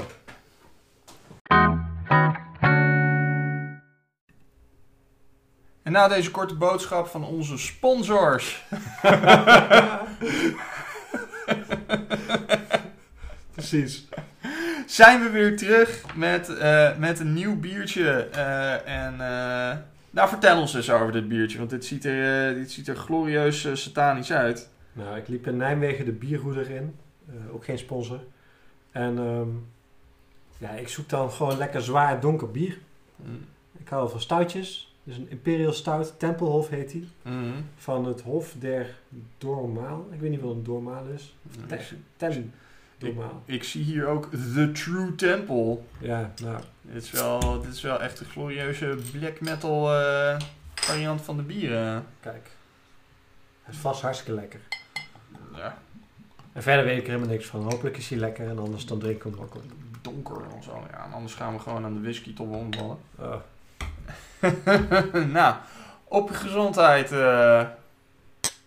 Proost, maat. Ja, Ik riep net, eh zo meteen gaan we verder over Boeing, maar we hebben het nog helemaal niet over Boeing gehad. dus, eh, misschien. nee. Ah, wat, ik wel, wat ik wel echt leuk vind is dat. ehm, ehm, ik stuurde jou een hele tijd terug, dus eh, dat artikeltje op zo'n obscure website over eh, die veranderingen binnen Boeing. En ik zag nou dat ehm, gisteren heeft eh, New Republic Hm. heeft een heel, eh, heel groot artikel over de opkomst van het, eh, hoe noemen ze dat? Managerialism of zo? Eh, Ja. Managers en zo. Eh, en de ondergang van Boeing. Hm. Dus eh, precies. En ik moet net, toen je het had over de vraag van, niemand ziet natuurlijk op een gegeven moment wat er gebeurt. Hè, met de, nou, kijk, als je ergens aan een klein onderdeeltje werkt en je ziet ergens anders het vliegtuig wat je aan het maken bent neerstorten, dan heb je dat natuurlijk wel. Dus dat is wel een interessante casus wat dat betreft. Klopt. Maar dat je je dan, dan op een manier verantwoordelijk voelt hoe weinig je ook aan die situatie had kunnen veranderen. Nou, wat je, wat, je, wat je vaker ziet gebeuren is dat mensen dan zitten van... Ja, ik werk alleen maar aan dat onderdeeltje, dus ik kan onmogelijk verantwoordelijkheid nemen over het hele ding. Ja, precies. Maar tegelijkertijd ben je toch bezig met die vliegtuigen. Ik ben wel benieuwd hoe je je dan voelt. Maar zullen we het even hebben over wat er is gebeurd? En misschien heb jij Mm. zin om dat een beetje in te leiden. Dan vul ik wel aan. eh, Ja, dus dat was inderdaad... ehm, hè, ik, ik werd... Ik was best wel geïnspireerd door, door dat artikel dat je doorstuurde. Ehm, ik heb dat... eh, Wacht, het, het artikel gaat dus over eh, een voorzitter van een eh, ondernemingsraad van Boeing. Die vertelt eigenlijk over de veranderde cultuur binnen de organisatie. Die Ja. eigenlijk tot, ik geloof, eind jaren 90 nog best wel rondom samenwerking draaide. En daarna heel erg is omgedraaid naar een, ja, is echt... een cultuur waarin met name werd gekort op zoveel mogelijk uitgaven. Ja. En ik, vond, ik vind het mooiste voorbeeld, het mooiste, ik vind het makkelijke zin ook om te vertellen, om te vertellen wat er nou precies aan de hand was. In het verleden eh, kwam je aan met een probleem en dan ging je het samen oplossen. hm, En later kwam je aan met een probleem en dan was jij het probleem. ja. Want het probleem wat je aankaart kost geld. En eh, eh, geld willen we niet uitgeven eigenlijk. ja. Dus dat, dat verandert een hele cultuur. Klopt. Klopt, dus het, het, het artikel is een hele interessant. Gaat eigenlijk over de drie vormen die Boeing heeft aangenomen eh, gedurende zijn, zijn geschiedenis. Ehm, wat begon als nou, best wel eigenlijk een bet the farm club. Gewoon hele grote ambitieuze projecten, centraal geleid. ehm, hè, waarin echt design is king was. En dat, dat heeft dan de, de, de 747 opgeleverd eigenlijk. En eh, dat is eigenlijk het vliegtuig waarmee Boeing toen heel groot is geworden. En je ziet ook, eh, en dat, dat, dat kwam natuurlijk ook op in de tijd waarin die consolidatie heel erg plaatsvond in de, in de vliegtuigwereld. Hè? Want inmiddels is het aantal aanbieders in die markt is heel erg afgenomen. Eigenlijk twee. Ja. Nou, voor grote eh, passagiersvliegtuigen zijn het inderdaad twee. Dus het is Airbus en het is Boeing. Ehm, en in de omgeving heb je nog... McDonnell Douglas levert geloof ik nog eh, aan, aan bepaalde partijen. Ehm, hey, lopen we vast? nee, we lopen niet vast. Ah. Nee, dat is een, eh, dat is een ding. Ehm, hè, eh, Je zit gewoon lekker te Gulf, Gulfstream en Cessna zijn nog actief, maar een hele hoop andere zijn ook eruit gegaan. Ik geloof Lockheed Martin, die Hm. doet niks meer met passagiersdingen. Fokker is natuurlijk over de, over de kop gegaan en nou, ze, ze zijn er nog een paar partijen. toen eigenlijk in de, in de golden years van Boeing nam dat the Farm een beetje op. Want ze werden gewoon heel groot op de markt. En wat je toen zag was heel veel meer zelforganisatie. En dat heeft toen de 7, 787 geloof ik opgeleverd. Uh, nou, ze, noemen een type erbij, maar dat was veel meer inderdaad die, samen, uh, die samenwerking opzoeken. Dus dat supersterke hiërarchische ging er een beetje, ging er een beetje vanaf. Er werd veel meer, uh, veel meer nou ja, gedaan aan cross-functionele teams, aan gewoon echt met experts werken. En nu inderdaad in, in deze dagen van Boeing, waarin het ja, gewoon echt gigantisch en in zekere zin onbetwiste marktleider is geworden. Want Airbus is mm -hmm. niet zo groot als Boeing. Uh, verre na niet. Uh, is, is de focus eigenlijk van, van de customers naar de stakeholders gegaan. En daarmee treden eigenlijk alle usual suspects in één keer op. Je gaat kijken naar winstmaximalisatie. Nou goed, winstmaximalisatie krijg je op twee dingen. Het is één door meer dingen te gaan verkopen. Uh, maar goed, hè, die markt die is wat die is. Uh, en de tweede vorm van winstmaximalisatie is gewoon gigantische kosten drukken. Dus de cultuur van samenwerking werd er een van concurrentie. Ja, ze gingen gewoon locaties sluiten. Ze gingen meer met subcontracten werken. Tot ze inderdaad het huidige punt hebben bereikt waarin ze 9 dollar per uur Indiërs hebben laten uh, knoeien met code. Uh, met alle gevolgen van dien, maar dat is niet het, maar dat is niet het enige probleem. Um, en, het, en het artikel noemt, denk ik, een tweetal dingen waarvan ik denk van ja, daar, daar zou ik hem wel in zoeken. Uh, het eerste wat ze inderdaad noemen is dat de, de, de klant was niet meer de belangrijkste speler voor Boeing. Dat werd de aandeelhouder. Um, nou, Jeff Bezos, uh, wat je verder van de man mag vinden, zegt af en toe wel hele slimme dingen. Dat is best wel slimme vent, anders ben je niet, word je niet wat hij is. Uh, maar een van de interessante dingen die hij noemt elke keer als die gechallenged wordt op, op, op Amazon, wat niet winstgevend is, en zich ook eigenlijk helemaal niet door op richt, is uh, customer value is shareholder value. Maar niet alle shareholder value is customer value. Um, dus dat, dat, dat is Boeing uit, uit het oog iets verder op in? Wat, uh, wat bedoelt hij dan? Um, een waarde leveren aan je klant. Uh, je klant tevreden, gelukkig houden en hem ook zover krijgen dat hij je bedrijf gaat aanprijzen aan andere zaken. Dat hij gewoon, uh, gewoon uitermate positief over jouw merk is en vaker klant komt. Vertaalt zich eigenlijk automatisch naar shareholderwaarde. Want je bedrijf heeft een, heeft een goede naam. Uh, dat is meer dan enkel de goede naam die je bij klanten hebt. Maar het trekt gewoon ook een bepaald soort mensen aan dat zich daartoe geïdentificeerd vormt. Um, je, je hebt een betere concurrentiepositie. Uh, dus er komt meer binnen en het is stabieler over langere termijn. Als jij je goede naam weet te behouden. Want mensen doen. hè, en dit, dit is. raken we een klein beetje start with why. begint, begint daarbij te komen. Maar Um, mensen voelen zich graag goed over de aankopen die ze doen. Ja, maar je koopt geen vliegtuig. Hè? Dus zo, en uh, ik weet niet of jij wel eens iets hebt ge gevlogen. Uh, nou ja, je hebt het al over Canada en Amerika gehad.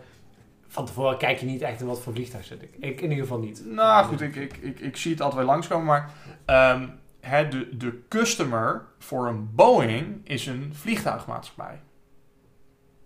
Hè, dus, en, en de piloot in zekere zin. Want piloten die, die massaal, hè, want dat is wederom een schaars goed. Uh, of dat was het vroeger. Ik zeggen, als, als er één groep is die gigantisch is uitgebuit de afgelopen tien jaar. Nu, nu neemt het een beetje af door de opkomende markt in Azië en door wat, wat, wat economische groei. Maar piloten. Even een, een heel kort zijbruggetje hoor. Ja. Maar de, de pay-to-fly van EasyJet. Hè? Dus EasyJet die heeft op een gegeven moment piloten laten betalen. Omdat ze te weinig vlogen om anders hun vliegbuffet te houden. Uh, maar piloten zijn ook verantwoordelijk voor de veiligheid. Dus als dat vliegtuig toevallig met duct tape aan elkaar werd gehouden en zo'n piloot zei van nou die duct tape vind ik niet veilig genoeg voor deze vleugel, dan heeft die piloot een probleem. Want hij krijgt zijn uren niet en hij wordt never nooit meer ingehuurd door wat voor maatschappij dan ook. Want die zitten niet te wachten op zo'n bemoeial. Ja. Maar goed, dat terzijde. Um, laten we vooral even teruggaan naar, uh, ja. naar Boeing. Um, hè, maar lo- los van inderdaad de rol die de piloot die daarin speelt, en die was vroeger ook wat, wat anders, hè, dat, dat, dat heeft inderdaad zijn aanzien wel een beetje verloren, ehm, is de vliegmaatschappij was de klant. Maar ook dat was, hè, er waren er minder, ze hadden veel meer koopkracht over het algemeen. Ehm, en weet je, die mensen tevreden houden, dat vertaalde zich gewoon naar shareholder value. Ehm, niet maximale shareholder value, Ja. maar het was niet negatief. En, en zeker de lange termijn. En op, en op de lange termijn inderdaad, als jij, als jij een stabiele investering wil doen, Ja. eh, dan, ga je, dan ga je investeren in een bedrijf met een solide reputatie, dat goed de naam staat in de markt, dat een loyale klantenbasis Ja. heeft. Ehm, Maar Boeing voelde zich toch bedreigd door de opkomst van, eh, van Airbus. Of wat is het nou geweest dat zij die stap hebben gemaakt naar zo'n andere, andere, andere en, dat, eh, cultuur? en dat zit hem veel meer in het, in het tweede item dat hij aanraakt. Ehm, en dat is, lever jij een performance gedreven product of lever jij een convenience Ja. gedreven product? Ehm, en een performance gedreven product, ehm, daarin moet je echt excelleren met je product. Dus in de markt. Maar de, de manier waarop jij, eh, waarop jij dat soort aankopen doet, is ook heel anders. Zeg maar een tv bijvoorbeeld, koop je maar eens in de 5 à 6 jaar. Tenzij je een klote Sony hebt die verrot gaat en Sony vervolgens naait op je garantie. en je dus gewoon echt een dikke Philips met Ambilight hebt. Maar normaliter doe je daar 5 à 6 jaar mee. Dus dat is een best wel... ehm, dat is best wel een performance gedreven markt. Daarom zie je ook dat ze heel snel de concurrentie opzoeken met features, met mooie dingen. Dat ze elkaar echt de loef afsteken met de, met de nieuwste dingetjes in de nieuwste zaken. En zelfs de tv's die in goedkopere segmenten zitten, erven heel veel van die vooruitgang over. Zeker. Omdat het een performance markt is. Nou, kijk, een convenience markt aan de andere kant. Daar, hoef je, daar moet je een bepaalde kwaliteitsgrens raken. Maar daarna ga je niet meer excelleren. Daarna gaat het op prijs. Ja. Dus ehm, hè, een mooie, mooie voorbeeld daarvan is de, is de toiletrolmarkt. Ehm, hè, de, de winst daar is echt centen op een pallet. Eh, zeker voor echt die standaard hotelkwaliteit single ply. Kijk, ik zelf gebruik natuurlijk alleen maar vijf laags. Eh, en dat, geloof ik, daar betaal je voor. Maar oh, het is zo waar. Ehm, Maar ook eh, dank aan onze sponsor. en maar, dat is, maar dat is een totaal andere markt waar je dus ook op een andere manier gaat, gaat organiseren. Hè, daar waar een performance, eh, performance gedreven bedrijf dan een performance gedreven product maakt, die zetten snoeihard in op kwaliteit. Die leveren gewoon het beste product ooit. Nou, de manier om het beste product ooit eh, te leveren is om de beste mensen aan te nemen en ze te ondersteunen en eigenaarschap te laten vallen. eh, te, laten, te laten voelen. En de omgeving zo plezant houden dat je die mensen ook langere tijd aan je gebonden houdt. Ja. Bij een convenience gedreven markt ehm, is die verhouding tussen, tussen hoe belangrijk is efficiëntie versus, versus effectiviteit heel anders. Want daarin hoe efficiënter je bent, eh, des te effectiever ben je. Terwijl die twee veel meer losstaan van elkaar in een performance gedreven markt. Nou, wat Boeing op een bepaald moment zei is van... eh, en dat is er ingeslopen. Ik weet niet of dat formeel zo gecommuniceerd is. Maar die gingen zich in ieder geval... Daar vond een kanteling plaats dat zij in, in de eerste twee situaties... eh, hè, de, de, de engineering cultuur, Ja, customer ja. focused, eh, de kostfunctionele cultuur customer focused. Shareholder focused, daar ging het ook veel meer naar een, naar een convenience gedreven product. Eh, zij benaderde vliegtuigen alsof het heel gestandardiseerde gebruiksvoorwerpen waren. En dan ga je ook, dan ga je gewoon ook veel meer richten op, hey, dit trucje, dit blijven we gewoon herhalen. Dus we gaan ons nu gewoon zo, eh, nu gaan we het trucje zo efficiënt mogelijk doen. En in zekere zin, er zijn een hoop dingen in de luchtvaartindustrie die, eh, die het heel erg verleidelijk maken om op die manier ernaar te kijken. Hè. Er, er zijn in wezen geen grote innovaties geweest sinds 1960, 70 zo'n beetje. Ja, ja Ehm, 50 zeggen sommigen zelfs. Ja.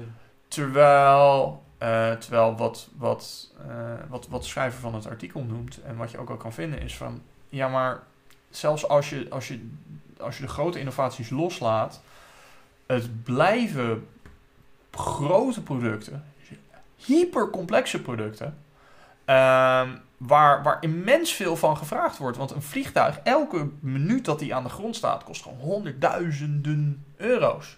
Dus je wil dat ding continu laten vliegen. Nou, weet je, dat is wel echt een hoeveelheid stress waar je zo'n ding eh, kwijtstelt. Niet alleen qua, eh, qua, qua, qua, qua de omhulzing, maar alle onderdelen die erin Ja. zitten. Dus die aanname was eh, verkeerd. Gewoon, gewoon verkeerd. Maar dus ging je, een, ging je een bedrijfsstructuur krijgen en een aansturing op het productieproces dat helemaal niet paste eh, bij, de, bij het soort product dat ze moesten leveren. En ook gewoon de markt qua mensen waar ze in zaten. Dus het nodigde ook gewoon heel veel low performers uit om daar deel van uit te maken. Dus er is ook best wel een brain flight geweest eh, binnen Boeing. Ehm, en die mensen die vind je nu terug bij eh, nou, Airbus een gedeelte. Want Airbus zit nog steeds in een performance gedreven markt. Hè, want zij, zij, noodgedwongen moesten zij innoveren. Hè, want ze moesten Boeing de loef afsteken. Uh, maar een hele hoop van, die, van, van, van, van Boeing-engineers vind je ook terug bij, uh, bij bedrijven die nog steeds echt die gigantische ambitie hebben.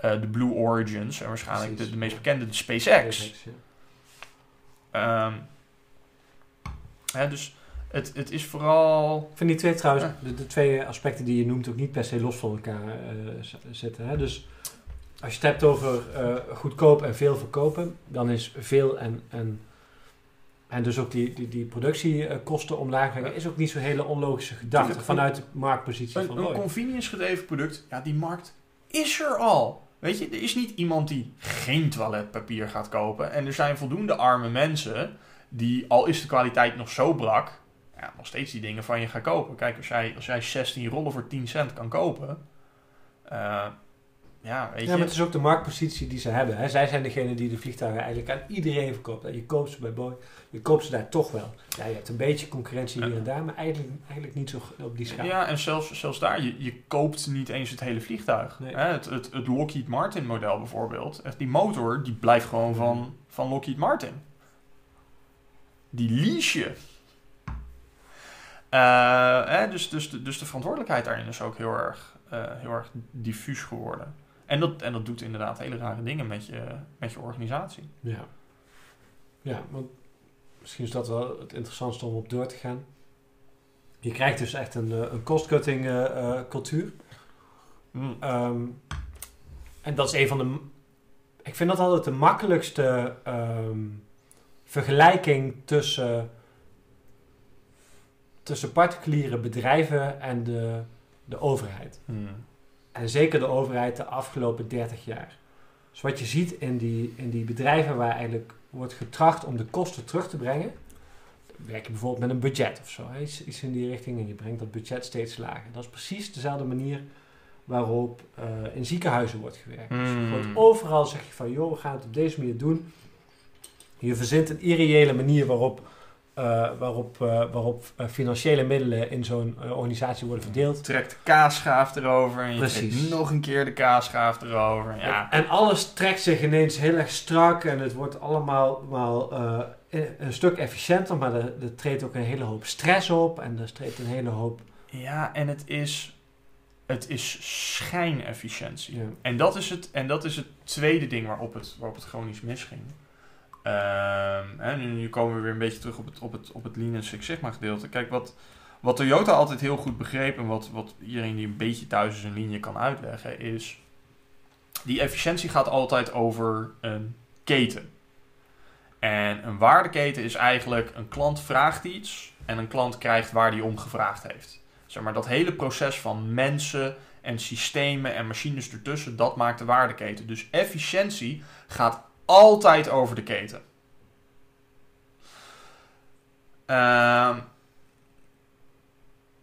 maar als je dat op een bepaald moment gaat combineren met silo-denken en die waardeketen gaat verloren, maar je gaat je bedrijf opdelen in een, uh, in een receptie, uh, in een, eh, om het voorbeeld van ziekenhuizen te nemen, in, uh, in eerste hulp, in oncologie, in uh, pediatrie, in, in al dat soort dingen. Of kleiner, gewoon al die processen in nog kleinere stukjes snijden. En bij elk van die stukken kijken waar zit de bottleneck. En, en daar inderdaad nog kleiner gaan zitten van, hebben we, hebben, we, hebben we het over onderzoek, hebben we het over behandeling, hebben we het over aftercare, hebben we het over billing. Hebben, um, en je gaat al die dingen los van elkaar zo efficiënt mogelijk maken. En omdat daarmee gewoon de hele werkstroom uit het oog is verloren, ga je ook nog eens niet het werk efficiënter maken, maar ga je de mensen efficiënter maken. En daarbij de mensen ook benaderen alsof die een soort van machine is. Hm. dus dan gaan we ook streven naar hele hoge utilization. Hè, want elke minuut dat iemand niet werkt is geld verloren of geld te veel besteed. Ja. Uh, terwijl dat helemaal niet de origine is. Ja. En omdat je nu de focus, ironisch genoeg, van het werk naar de mens verlegd hebt, ga je dus ook niet meer het werk managen, maar ga je de mens managen. Ga je hem zo meetbaar mogelijk maken en dat nodigt gigantisch uit tot micromanagement, want dat is letterlijk het enige wat je, waar je op aan het sturen bent. Ja, en hier gebeuren dan ook een aantal interessante dingen. Eén is gewoon de manier waarop mensen op wat voor uh, indicator of, of, of, of, of waar ze dan ook op uh, worden gemeten uh, zich gaan handelen of zich gaan gedragen. vaak op een manier die wel al die, al die zaken haalt, maar maar het grotere doel uit het oog verliest. Ik vind een mooi voorbeeld. Als, als we het al weten. Ja, maar vaak. Nou ja, dat is, dus, dat is ook wel. Maar, maar meestal is het. Ik weet niet eens of het altijd ook bewust is. Hè? We nemen bijvoorbeeld. Uh, Joris Luindijk heeft zo even een lezing gehouden voor de Orde van, van, van Advocaten. En daarin ver, vergeleek hij zijn werk als journalist met dat van advocaten. Op het moment dat zij met iemand bezig zijn, waarbij ze denken: Ik weet niet wat hier precies gebeurt. Dus hij vertelde van: Joh, ik, ik maakte nogal eens een keertje mee dat ik in Egypte zat of waar dan ook. En dat eh, BBC nieuws had of wat dan ook. Een, grote nieuwsorganisatie bracht nieuws. En hij wist dat het gewoon niet echt nieuws was. Het was niet echt interessant, het was een misverstand of wat dan ook. Het werd groter gemaakt. Dan kon hij twee dingen doen. Hij kon dat nieuws ook brengen. En dan haalt hij zijn quotum. Of hij kon in discussie met zijn redactie om te vertellen waarom het dan eigenlijk anders zat. En, maar dan had hij en een probleem, want dan zat hij maar ruzie te zoeken en hij haalde zijn quotum. Dus dat was twee keer niks. Dus wat hij het beste kon doen was gewoon uh, dat quotum proberen te halen en gewoon dat nieuws brengen. Ook al is dat maatschappelijk gezien eigenlijk een ongewenste situatie. Mm. Want de, de, kwaliteit van je journalistiek is slechter. En hij vergeleek dat met een, uh, met een advocaat die te maken heeft met een cliënt een zaak van het begin af aan al heel duidelijk niet te winnen is. Als die advocaat daar, daar ethisch mee omgaat, dan zegt hij van joh, we kunnen van alles gaan doen, maar dit schiet niet op. Uh, dit gaat sowieso niet lukken. Uh, uh, om wat voor reden dan ook. En, en, iemand heeft natuurlijk wel gewoon recht op een advocaat die alles uit probeert te trekken, maar soms kan de situatie zo zijn. Hij kan dat gesprek aangaan, maar dat is alleen maar moeilijk. Hij kan ook gewoon lekker meedoen en zijn uurtjes indienen. En uh, dat kost allemaal een stuk meer. Mm. Maar ja, dan haalt hij wel gewoon zijn uurtjes. En, maar de, het, het, geheel van de maatschappij is daar een stuk, een stuk slechter bij af. Ja.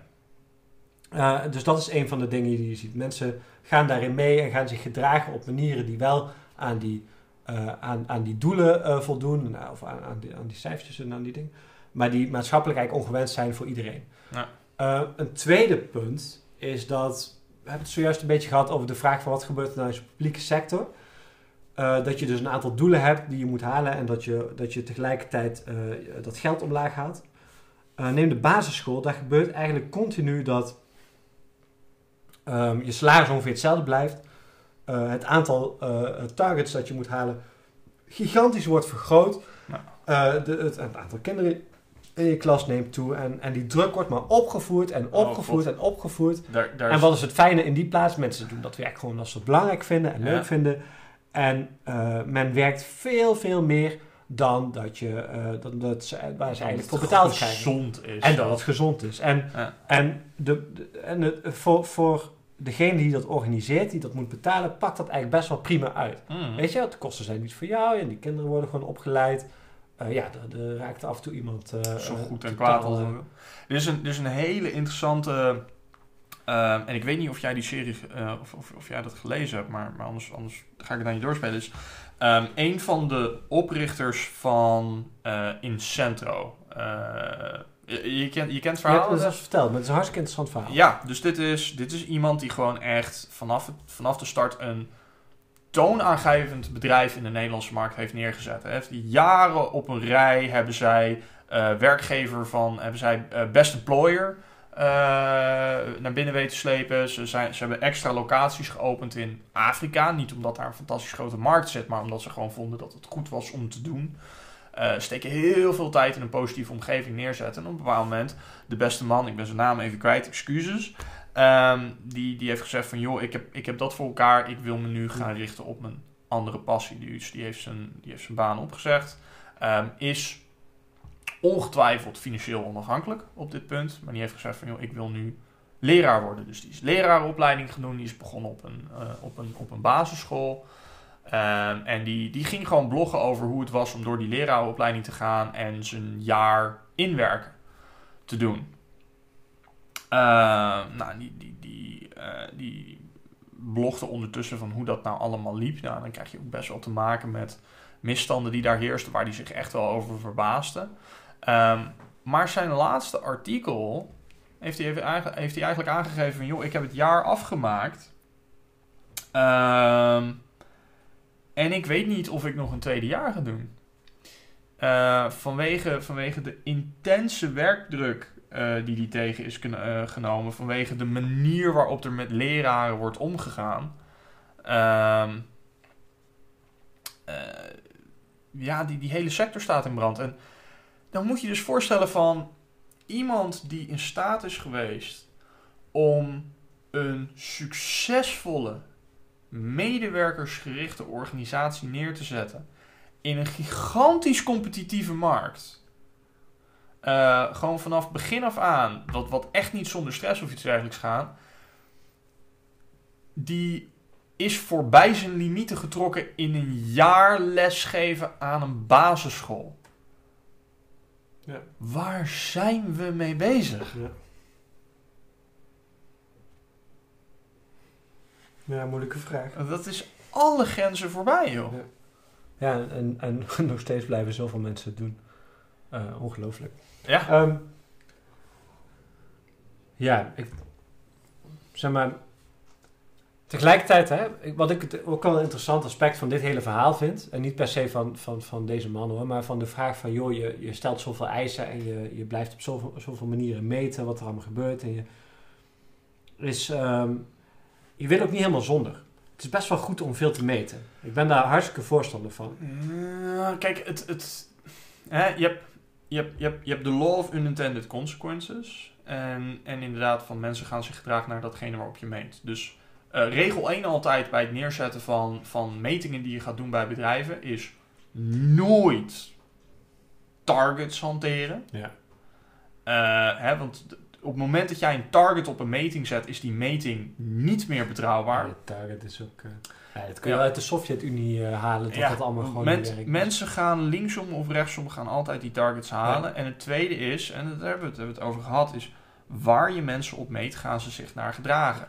Ehm, en ook wellicht niet altijd op de manier eh, die jij in gedachten hebt. Nee. Op het moment dat je het doet. Dus ik ben het helemaal eens dat je, dat je dingen moet meten. Ja. Ehm, ik denk dat je heel erg voorzichtig moet zijn in wat je meet. Het, het meest of een heel ironisch voorbeeld daarvan in, in de onderwijssector is ehm, No Child Left Behind.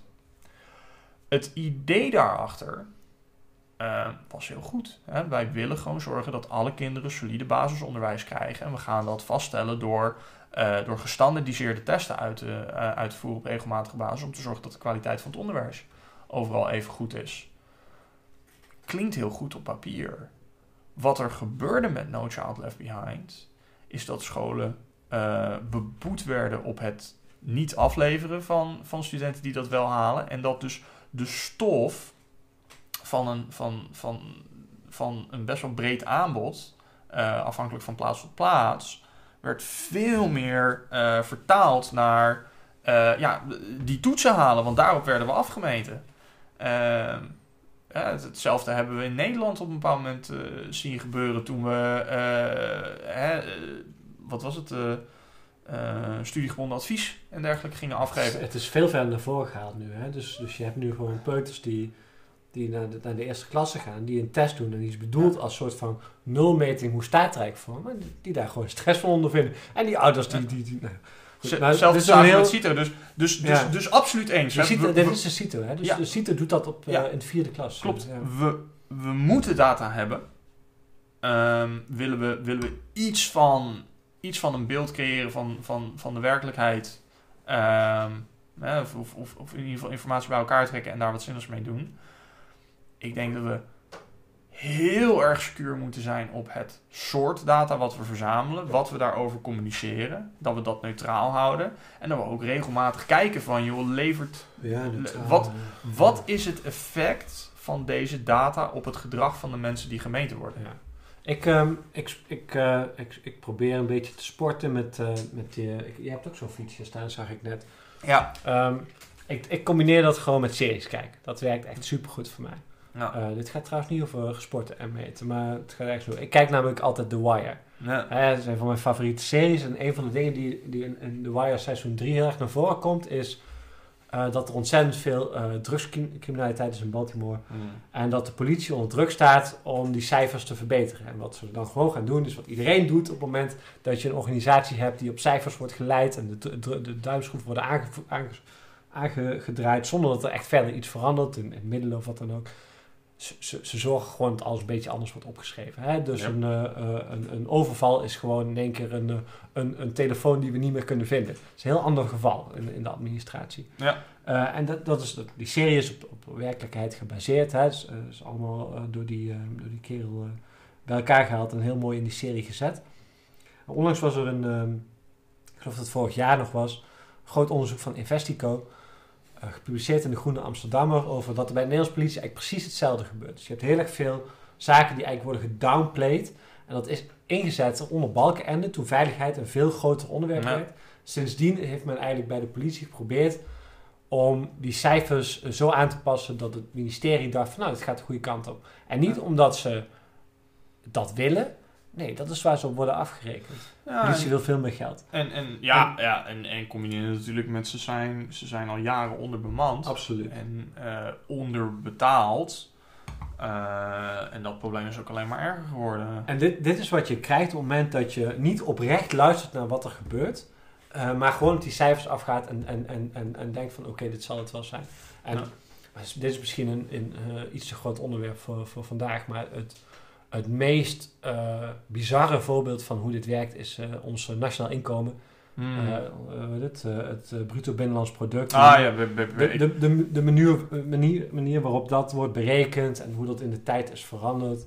Eh daar moeten we nog maar eens een, keer, eh, een keertje over hebben. Want er zijn echt wel heel wat interessante zaken over te zeggen. ja, moet, moet, moet ik me even op inlezen dan? Maar Ja, ja, dat, eh, dat verbaast me niks. Maar dat- het is wel een, een, een, een getal wat zo bepalend is in de manier waarop we de maatschappij inrichten. En waar zoveel veronderstellingen en ook misverstanden in zitten. Maar daarom juist is het interessant om een beetje aan het futselen. Ja, ja. Eh, Nou, het is een politieke strijd om erin te futselen. Maar goed, Ja. dat is eh, iets, eh, iets wat niet per se voor vandaag ja. per se heel erg interessant is. Waar ik in het begin eigenlijk een beetje op probeerde aan te sturen, is de vraag van... Is er nou een relatie tussen aan de ene kant de sterker geworden eh, eh, positie eh, van de aandeelhouder... of van het belang van, van het ver- vergroten van de aandeelhouderswaarde... En, en de manier waarop dat ook met bijvoorbeeld eh, eh, eh, de intensiteit van de financiële markten en zo... eigenlijk eh, dagelijks in bedrijven een rol speelt... En de ehm, controle en eh, target eh, managementstijl eh, die er in, in heel erg veel organisaties, zowel in de particuliere als in de publieke sector, is gekomen. Het, het- dat, eh, absoluut. Ik denk, ik denk dat het alles te maken heeft met niveau van abstractie. Ehm, hè, laat ik het zo zeggen. Stel, eh, hè, we, zitten, hier in Nederland. Ik koop, ik koop aandelen. Oh. De kat. De kat slaat. Elke keer, hè? Elke keer. Ehm, Het is dan ook een muis. Dus, Stel, ehm, stel ik, heb een, ik heb een bedrijf hier in, in, in, in de buurt eh, en daar koop ik aandelen van. Ja. Ehm, zij, zij, zij zijn actief binnen mijn gemeenschap, zij doen hier dingen, ze leveren voor werk. Dat heeft ook zijn, eh, zijn invloed op mij, hè, want het, raakt de kwaliteit van mijn buurt en eh, eventueel ook het, het milieu in mijn omgeving. Dus het is interessant voor mij om een aandeel te kopen in dat bedrijf. Enerzijds omdat het nou, een investering is, anderzijds omdat het mij wat te zeggen geeft binnen dat bedrijf als aandeelhouder. Ehm, en, en, en dat werkt heel goed, want waar ga ik op letten als aandeelhouder van een bedrijf dat zit in een gebied waar ik woon eh, en waar ik te maken krijg met de effecten van het succes van dat bedrijf, is ik ga letten op sustainability. Tuurlijk, ik wil mijn geld eruit halen, eh, maar waar ik vooral naar op zoek ben, is van, joh, eh, hoe hebben we geen nare uitwerking op het milieu mijn omgeving? Want ik wil ergens schoon kunnen wonen.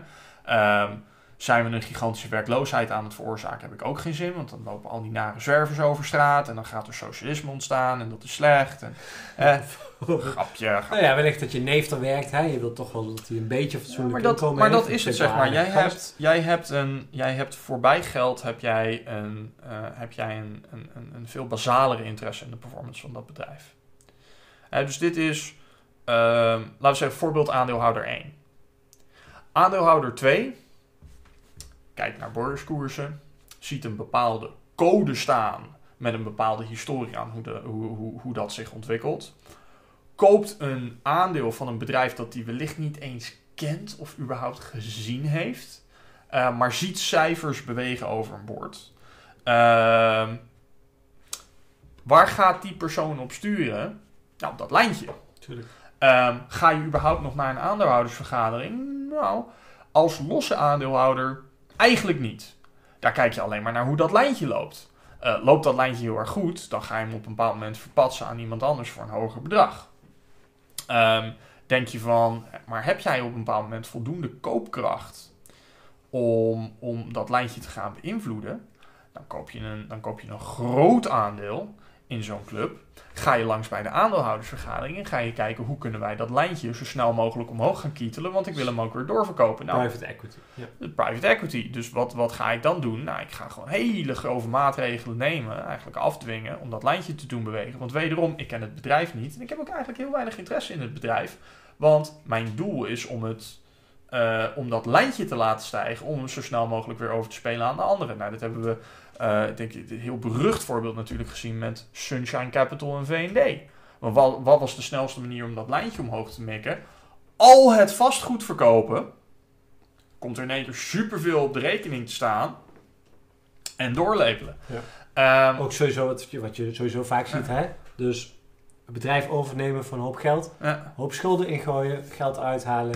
En het achterlaten. Ja, Dus, dus die die gigantische onpersoonlijkheid, nu zet ik expres hele verschillende situaties tegenover elkaar, maar die gigantische uh, onpersoonlijkheid die wij hebben laten ontstaan eigenlijk door de gigantische hoeveelheid automatisering uh, die we hebben toegestaan in, in die handel, en waardoor, waardoor aandelenhandel gaat gigantisch. Ik geloof de enige vorm van handel die nog sneller gaat dan aandelenhandel is valutahandel. Ja. En dat is echt, dat is voor een groot deel eh, gewoon echt volledig geautomatiseerd op dat punt. Ja, ik weet niet of de snelheid van aandelen, of dat nou het, het, het, het, het grote punt is. Het is zeker nou, een belangrijk punt. op een gegeven moment maakt het, voor dit, dit niet zo heel veel uit of het nou, nou per seconde of per minuut Nee, nee, nee, maar wat, wat, ik, wat ik bedoel is, ik kan... Um, ik kan kijken naar koersen. Ik kan binnen een seconde zeggen van... Oké, ik wil dat ding kopen. En dan bats, bats. En dan is dat geregeld. Uh, en dan heb ik iets in handen waarvan ik eigenlijk wat, wat een abstractie is voor mij als koper. Hè, het is niet iets tastbaar. Het is niet een bedrijf waar ik langs ga, waar ik persoonlijk mee te maken krijg, waar mijn neef werkt, uh, die mijn lokale voetbalteam sponsort. Het is, het is, een, het is een abstractie. Uh, de mensen die erin zitten is een abstractie. De producten die het levert dubbel zo. Ja. Um, en dat benader je dus op een totale andere manier. Want op het moment dat zij een rapport eruit gooien, dat vaak heel lang is en heel diffuus en dat soort dingen, maar ze zegt, nou, we willen zus en zus en zus en zo gaan doen, maar dat gaat ertoe leiden dat dat lijntje naar beneden gaat, dan zit jij in één keer van, hou even, jongens, ik heb jullie gekocht omdat dat lijntje omhoog ging.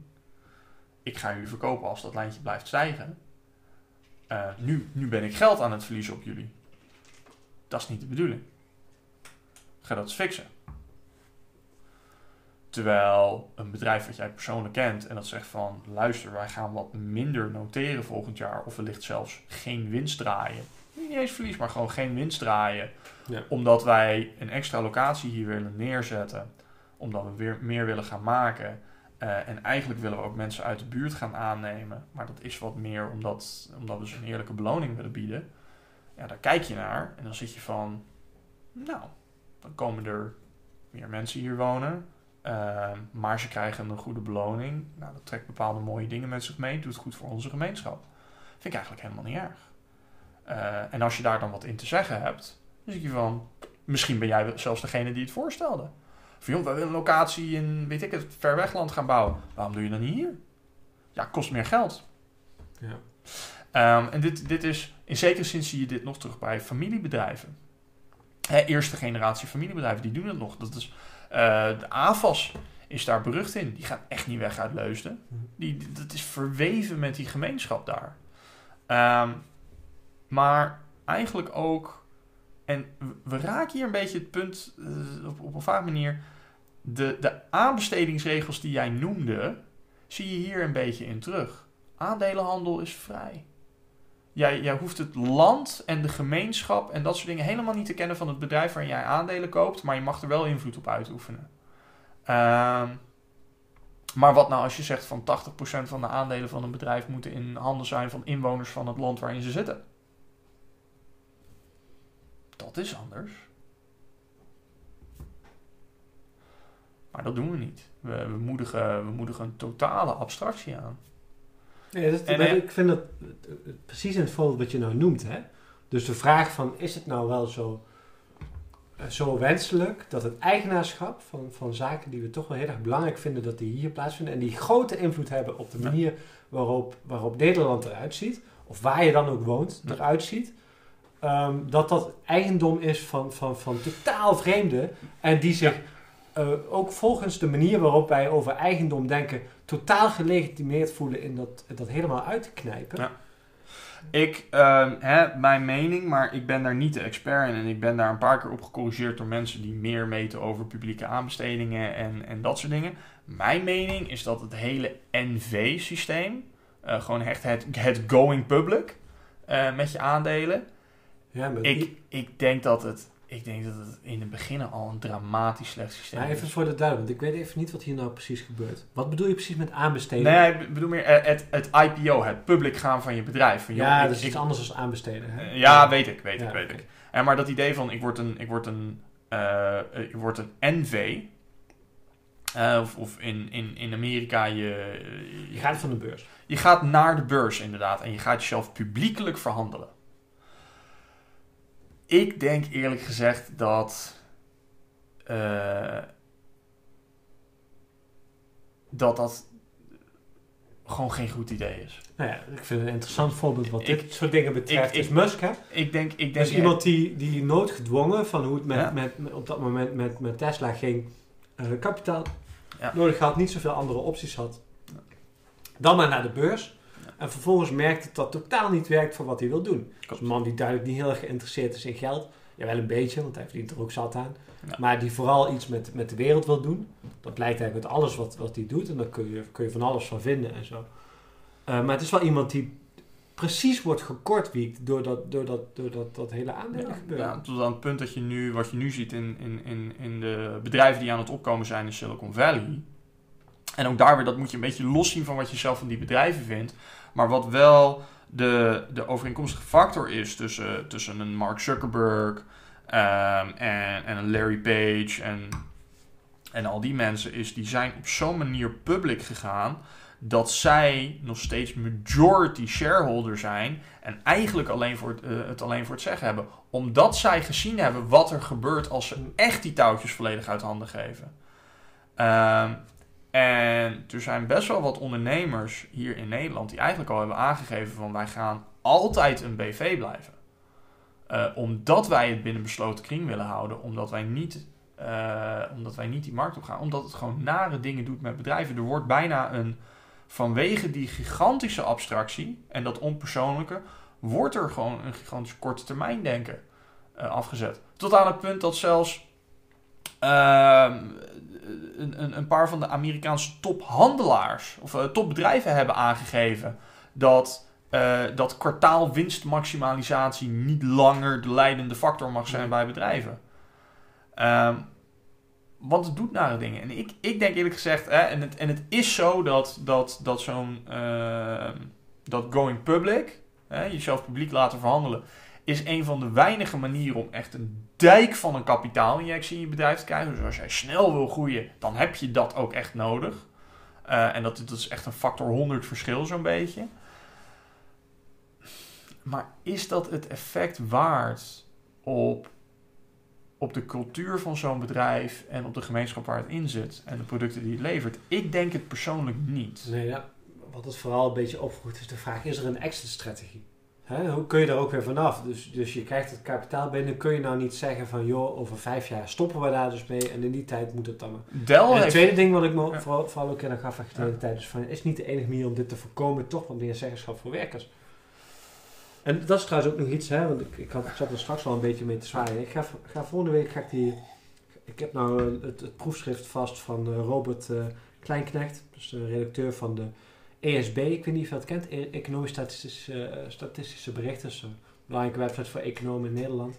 Die heeft dus de Organizational Antecedents of manager, Managerial short-termism. Oftewel, wat gebeurt er nou eigenlijk binnen verschillende soorten organisaties met betrekking tot korte termijn denken.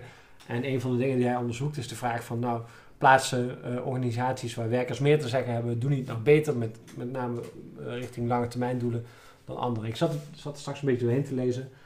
Um, heel veel, is wel heel theoretisch. Ik hoop dat hij wat te vertellen heeft volgende week. Maar ik wil er eigenlijk daarna wel, wel een keertje met jou over verder praten. Ja. Wat hij daar vervolgens allemaal over te zeggen heeft. Nou, ik denk, ik denk hè, om, om je eerste voorbeeld, dat is wat er bij Dell gebeurd is. En Michael Dell die heeft op een bepaald moment zijn bedrijf weer van de beurs gehaald. Die heeft, gewoon, die, heeft die aandelen gewoon weer teruggekocht. Heeft, heeft, hem, heeft hem best wel wat gekocht, maar die zag gewoon van, joh, dit gaat echt de verkeerde kant uit. En het ging ook de verkeerde kant uit. En dat heeft wel tot, tot, tot echt een fikse wijziging bij, bij Dell geleid, waarmee het inmiddels gelijk weer stukken beter gaat. Ik denk. Uh, ik, ik, ik, denk dat als dat gat tussen de daadwerkelijke eigenaren van het bedrijf en de mensen die er werken en de mensen voor wie ze het doen te groot is geworden, is sowieso niet kwalijk. Uh, ik, denk, ik denk formeel de medewerkers meer uh, te zeggen te geven um, is een manier om daarmee om te gaan, maar is in zekere zin een beetje uh, symptoombestrijding. Uh, dus komt, ontkomt er niet aan. Um, en het hangt ook, heel erg van de, hangt ook heel erg van de sector af. Ik denk, als jij een, als jij een competitief bedrijf wil zijn en jij werkt met uh, en jij haalt hè, je, je bent performance gedreven en je haalt daarmee dus ook de beste mensen naar binnen. Um, ik denk, het is, ik wil niet zeggen bijna automatisch, maar je ziet wel dat de bedrijven die floreren daarin, die geven medewerkers al veel meer te zeggen. Ja, maar het is wel echt van deze tijd. Hè? Dus als je nou, nou kijkt naar, naar, ICT met name, um, dan zie je dat bijvoorbeeld um, belangrijke werkers in je organisatie een deel eigendom geven van, van het bedrijf is nu al de norm aan het worden. Ja. Uh, en dat heeft in die sector te maken met dat er weinig mensen zijn. Maar het heeft ook gewoon te maken met dat je op die manier mensen op de juiste manier uh, motiveert. Ja. Uh, en dat kan ook grootschaliger en dat kan bij veel meer. En je zegt het, het, het, het verschil de sector. Ik denk dat dat wel meevalt. Ja, een ander mooi voorbeeld daarvan is ehm, Morningstar. Hm. ik weet niet of je daarvan gehoord hebt. Dat is een tomatenbedrijf in Amerika. Uh, maar dat is eigendom van de uh, werknemers. Kijk, zo eindigen we toch weer met een tomaat. ja, kan ik natuurlijk niet. Uh... vind, vind wel, vind wel raar inderdaad dat je, dat je dan niet gelijk. Nee, maar dat is. Um, maar daarin. Uh, daarin hem, wordt, er, wordt er heel veel eigenlijk aan, de, aan de werknemers overgelaten. Uh, ze zijn wel zo selectief op wie ze toelaten tot het clubje. Um, maar tegelijkertijd is het is geen, het is geen IT, hè? Het is, niet, het is nee. niet alsof je echt supergeschoolde werknemers ervoor nodig hebt. Ik vind dat trouwens, ik vind dat ook wel interessant wat je nou zegt, dat ze, dat ze heel erg opletten wie ze toelaten. Ik vind dat altijd een van de, van de misverstanden als, als, als, als er op links wordt gepraat over coöperaties. Hè. Je hmm. hebt zo'n andere grote, hele bekende, ik ben de naam even kwijt, in, in Spanje zitten. Uh, een van de beroemdste uh, coöperaties ter wereld. En wat je daar dus ziet is dat zij groeien heel snel, ja, ook vanwege hun, hun, hun publicitaire bekendheid. Maar ze delen dat niet echt. Wat je ziet is dat hun groei voor een grotendeel eigenlijk wordt eh, gerealiseerd door ingekochte arbeid in China. Ja, dat, is, dat zijn geen mensen die, die meedoen in dat collectief, zeg maar. Ja. Dat is gewoon eventjes een hoop eh, goedkope arbeid. Eh, dus de vraag van, is zo'n groep nou bereid om dat ook te delen? Blijkt daar nog wel een ingewikkelde, ingewi- ingewikkelde zaak. Ja, en dat, en dat, dat hangt heel erg met je, eh, met je bedrijfscultuur samen. En inderdaad, Ja, als je misschien, dat- maar ook, misschien ook wel gewoon met mensen. En als je dat, als je dat niet, niet, niet expliciet maakt, eh, van joh, wat, wie zijn wij, waar staan wij voor en, en wie willen we bij dat clubje toelaten. En daar is het inderdaad ook wel dat... Sorry, maar dan moet ik toch even... Nou, het ik, maak, daar ik, maak dus- hem, ik, maak hem, ik maak hem even af. En wat je, wat, je, wat je bij Morningstar dus ziet is, dat, dat zijn ook de mensen die het werk doen. Zeg maar, er, is niet, er is niet werk dat buiten dat Hmm. bedrijf ligt.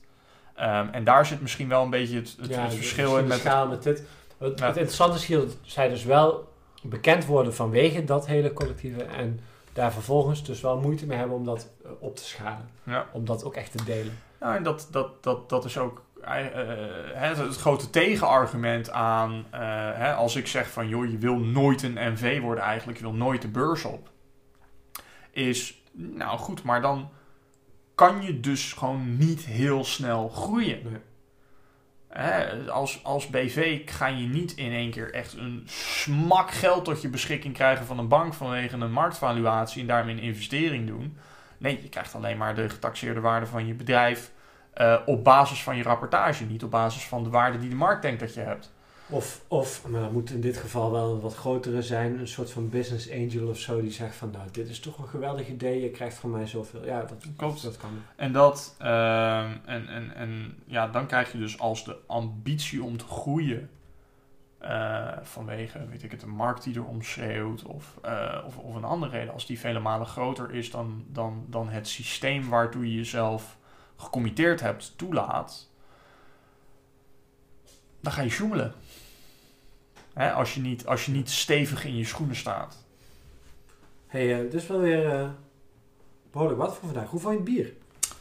Ehm, nou moet ik eerlijk zeggen, ik ben altijd een beetje voorzichtig met, eh, met, die, met die superstouts die jij aanrijdt. Eh, want ik heb ooit iets van je gekregen en dat smaakte echt naar geasfalteerde drop. Eh, wat was dat dan? Of was dat die smeerolie of zo? ja, Ja, ja. volgens mij dat. Dat Ik denk van, ik denk van, Eh, nee, maar deze is, deze is eh, goed te doen. eh. Ja, ik zie wel dat hij een beetje vals speelt. Ze hebben gewoon suiker toegevoegd. Dat is wel echt een beetje no-go. Oh, Ja, maar weet je wie dat, dat doet Canon ook bijvoorbeeld. En dat is wel heel makkelijk. Oh, ja, ja, moet toch wel uit de mout komen. Het is wel iets moeilijker brouwen dan natuurlijk, maar, goed, ik vind het wel oké. Ik vind niks speciaals, maar Ja, ik vind- hij, is, hij, is, hij, is, hij is goed te doen, maar Ja. hij komt inderdaad niet... Kijk, wij, wij hebben ooit een keertje met z'n tweeën de gouden standaard voor speciaal bier gevonden hier in Nederland. mm. Absoluut, absoluut. En daarmee ook gelijk een, een oefening die zichzelf nooit gaat laten herhalen. Hoe heette dat beestje ook? De, de, de, dochter van de, de of van, de brouwer, de dochter van de korenaar. Ja. Fantastisch, eh, fantastisch ding daarachter. Hè? Baarle Nassau. Eh, ik geloof een echtpaar dat gewoon gezegd heeft van... En nu gaan we bier brouwen. En die eh, brouwen met z'n tweeën dingen. En die winnen er elk jaar prijs mee. Ja. De dochter van de korenaar. die brouwerij. En dan het bier was de Embras. Maar niet de normale Embras. Dit was Nee, een Embras die een tijd in een, in een Artbegvat nog even gelegen had. Heb je wel eens trouwens een, een dus, dus een goede Man. bier, bierpraat hoor, maar heb je wel eens eh, een kaart gezien van Balen Nassau? Ja, dat is een chaos. hoor. Ja, hè? dat is echt gewoon... Echt, eh, Hoe dat gewoon ooit uit is gekomen. De helft is, is België, de helft is Nederland. Maar die helften zijn niet zo heel duidelijk. Het is meer een soort van gestipt geheel. ja. Ongelooflijk. Je zou daar maar bier brouwen. Ja, dat is, dan weet je ook gewoon niet waar je bent. En, eh, ja, en ook van, ook van waar betaal ik nou ongeveer belasting? Ja. Nou, Nee, dat, dat is wel... Europa heeft wat dat betreft wel echt een geschiedenis. eh. maar man, man, man, dat bier. Ik denk er af en toe aan terug. Inmiddels is het volgens mij veel lekkerder geworden in mijn herinnering dan dat het daadwerkelijk was. Maar het was, het was ongelooflijk lekker bier. hartstikke goed. Eh, hey, de volgende keer dat wij praten, dan wil ik in ieder geval een beetje verder gaan op dat, dat korte termijn dingen. En, en wat Robert eh eh, Kleinknecht daarover te zeggen heeft. Daar ga ik wel even eh, ook bij jou een verslag van doen. Ik ben wel benieuwd naar jouw mening. Waar gaan we het nog meer over hebben de volgende keer? poe, poe, poe, poe, poe. Ehm, Of dat bepalen we later nog. Dat kan ook nog wel. Ja, kijk, we, we- we kunnen, we, kunnen een, we kunnen een paar richtingen opgaan. Eh, kijk, de twee dingen waar ik me recentelijk eh, in, in werk op, op, eh, op gefocust heb, is ehm, eh, de, de dienende leider. Van joh, hoe ga jij van een, van een, van een managende leider je- jezelf omtoveren naar een leider die een omgeving creëert waarin andere mensen kunnen floreren. Ehm, Beetje zoals die blogpost van jou op Scrum. ja, ja, ja dus, een, dus een beetje in dat lijn. Ehm, en het andere is, eh, waar we het misschien wel interessant over kunnen hebben, is van we hebben het een beetje geraakt hier. En dat, dat leidt ook een beetje aan, jou, eh, aan, aan jouw onderwerp van dat, van dat korte termijnsmanagen. Is ehm, ja, eigenlijk eh, het, het, het sustainable ontwikkelen en beheren van een product Hm. op lange termijn. Hè. Een ander, ander gebied waar ik me heel erg mee bezig hou is, is, is productmanagement. Ehm, en daar zien we ook, in ieder geval vanuit, eh, vanuit wat ik doe in mijn werk en wat ik consult aan bedrijven, is dat we veel meer de aandacht geven op ehm, dat het niet enkel om geld gaat. En de meeste bedrijven zijn daar in meer of mindere mate wel eens. Maar ook niet alleen maar om klanttevredenheid, want dat is nu de hype. Om, en alles draait om NPS en klanttevredenheid Ja. en dat soort dingen. Vijf sterren. Maar dat we nu echt deze, deze podcast vijf sterren. Maar, maar, maar, maar dat we nu ook echt een derde pilaar daaraan toevoegen en zeggen van nee, het moet gewoon ook sustainable zijn in je omgeving. En sustainable qua milieu, maar ook gewoon sustainable qua wat het doet met je leefomgeving. Eh, en, en je bedrijfsomgeving. Ja. Ehm, en dat is misschien ook wel interessant om te raken. Dus, en dat ligt ook denk ik wat meer in lijn met, eh, met het boek dat jij aandraagt. ja. Laten we eens even kijken wat, eh, wat we daarvan kunnen brouwen. Klinkt goed. Zorgen we wat extra goede biertjes. En eh, die, eh, dat, eh, de, de magische wereld van vreemde getallen, zoals het bruto binnenlands product, dat doen we een andere keer nog wel. Yes. Dat is ook een interessant onderwerp hoor. Goed man. Lekker. Ja. Lekker gegaan. Nu nog even een naam bedenken, maar die ga je wel zien in de titel van de podcast. ja. En dan, eh, zo, ja, dan gaan we over een maandje weer even, weer even zitten, denk ik. Goeie zaak. Mooi. Hey, doe man. You.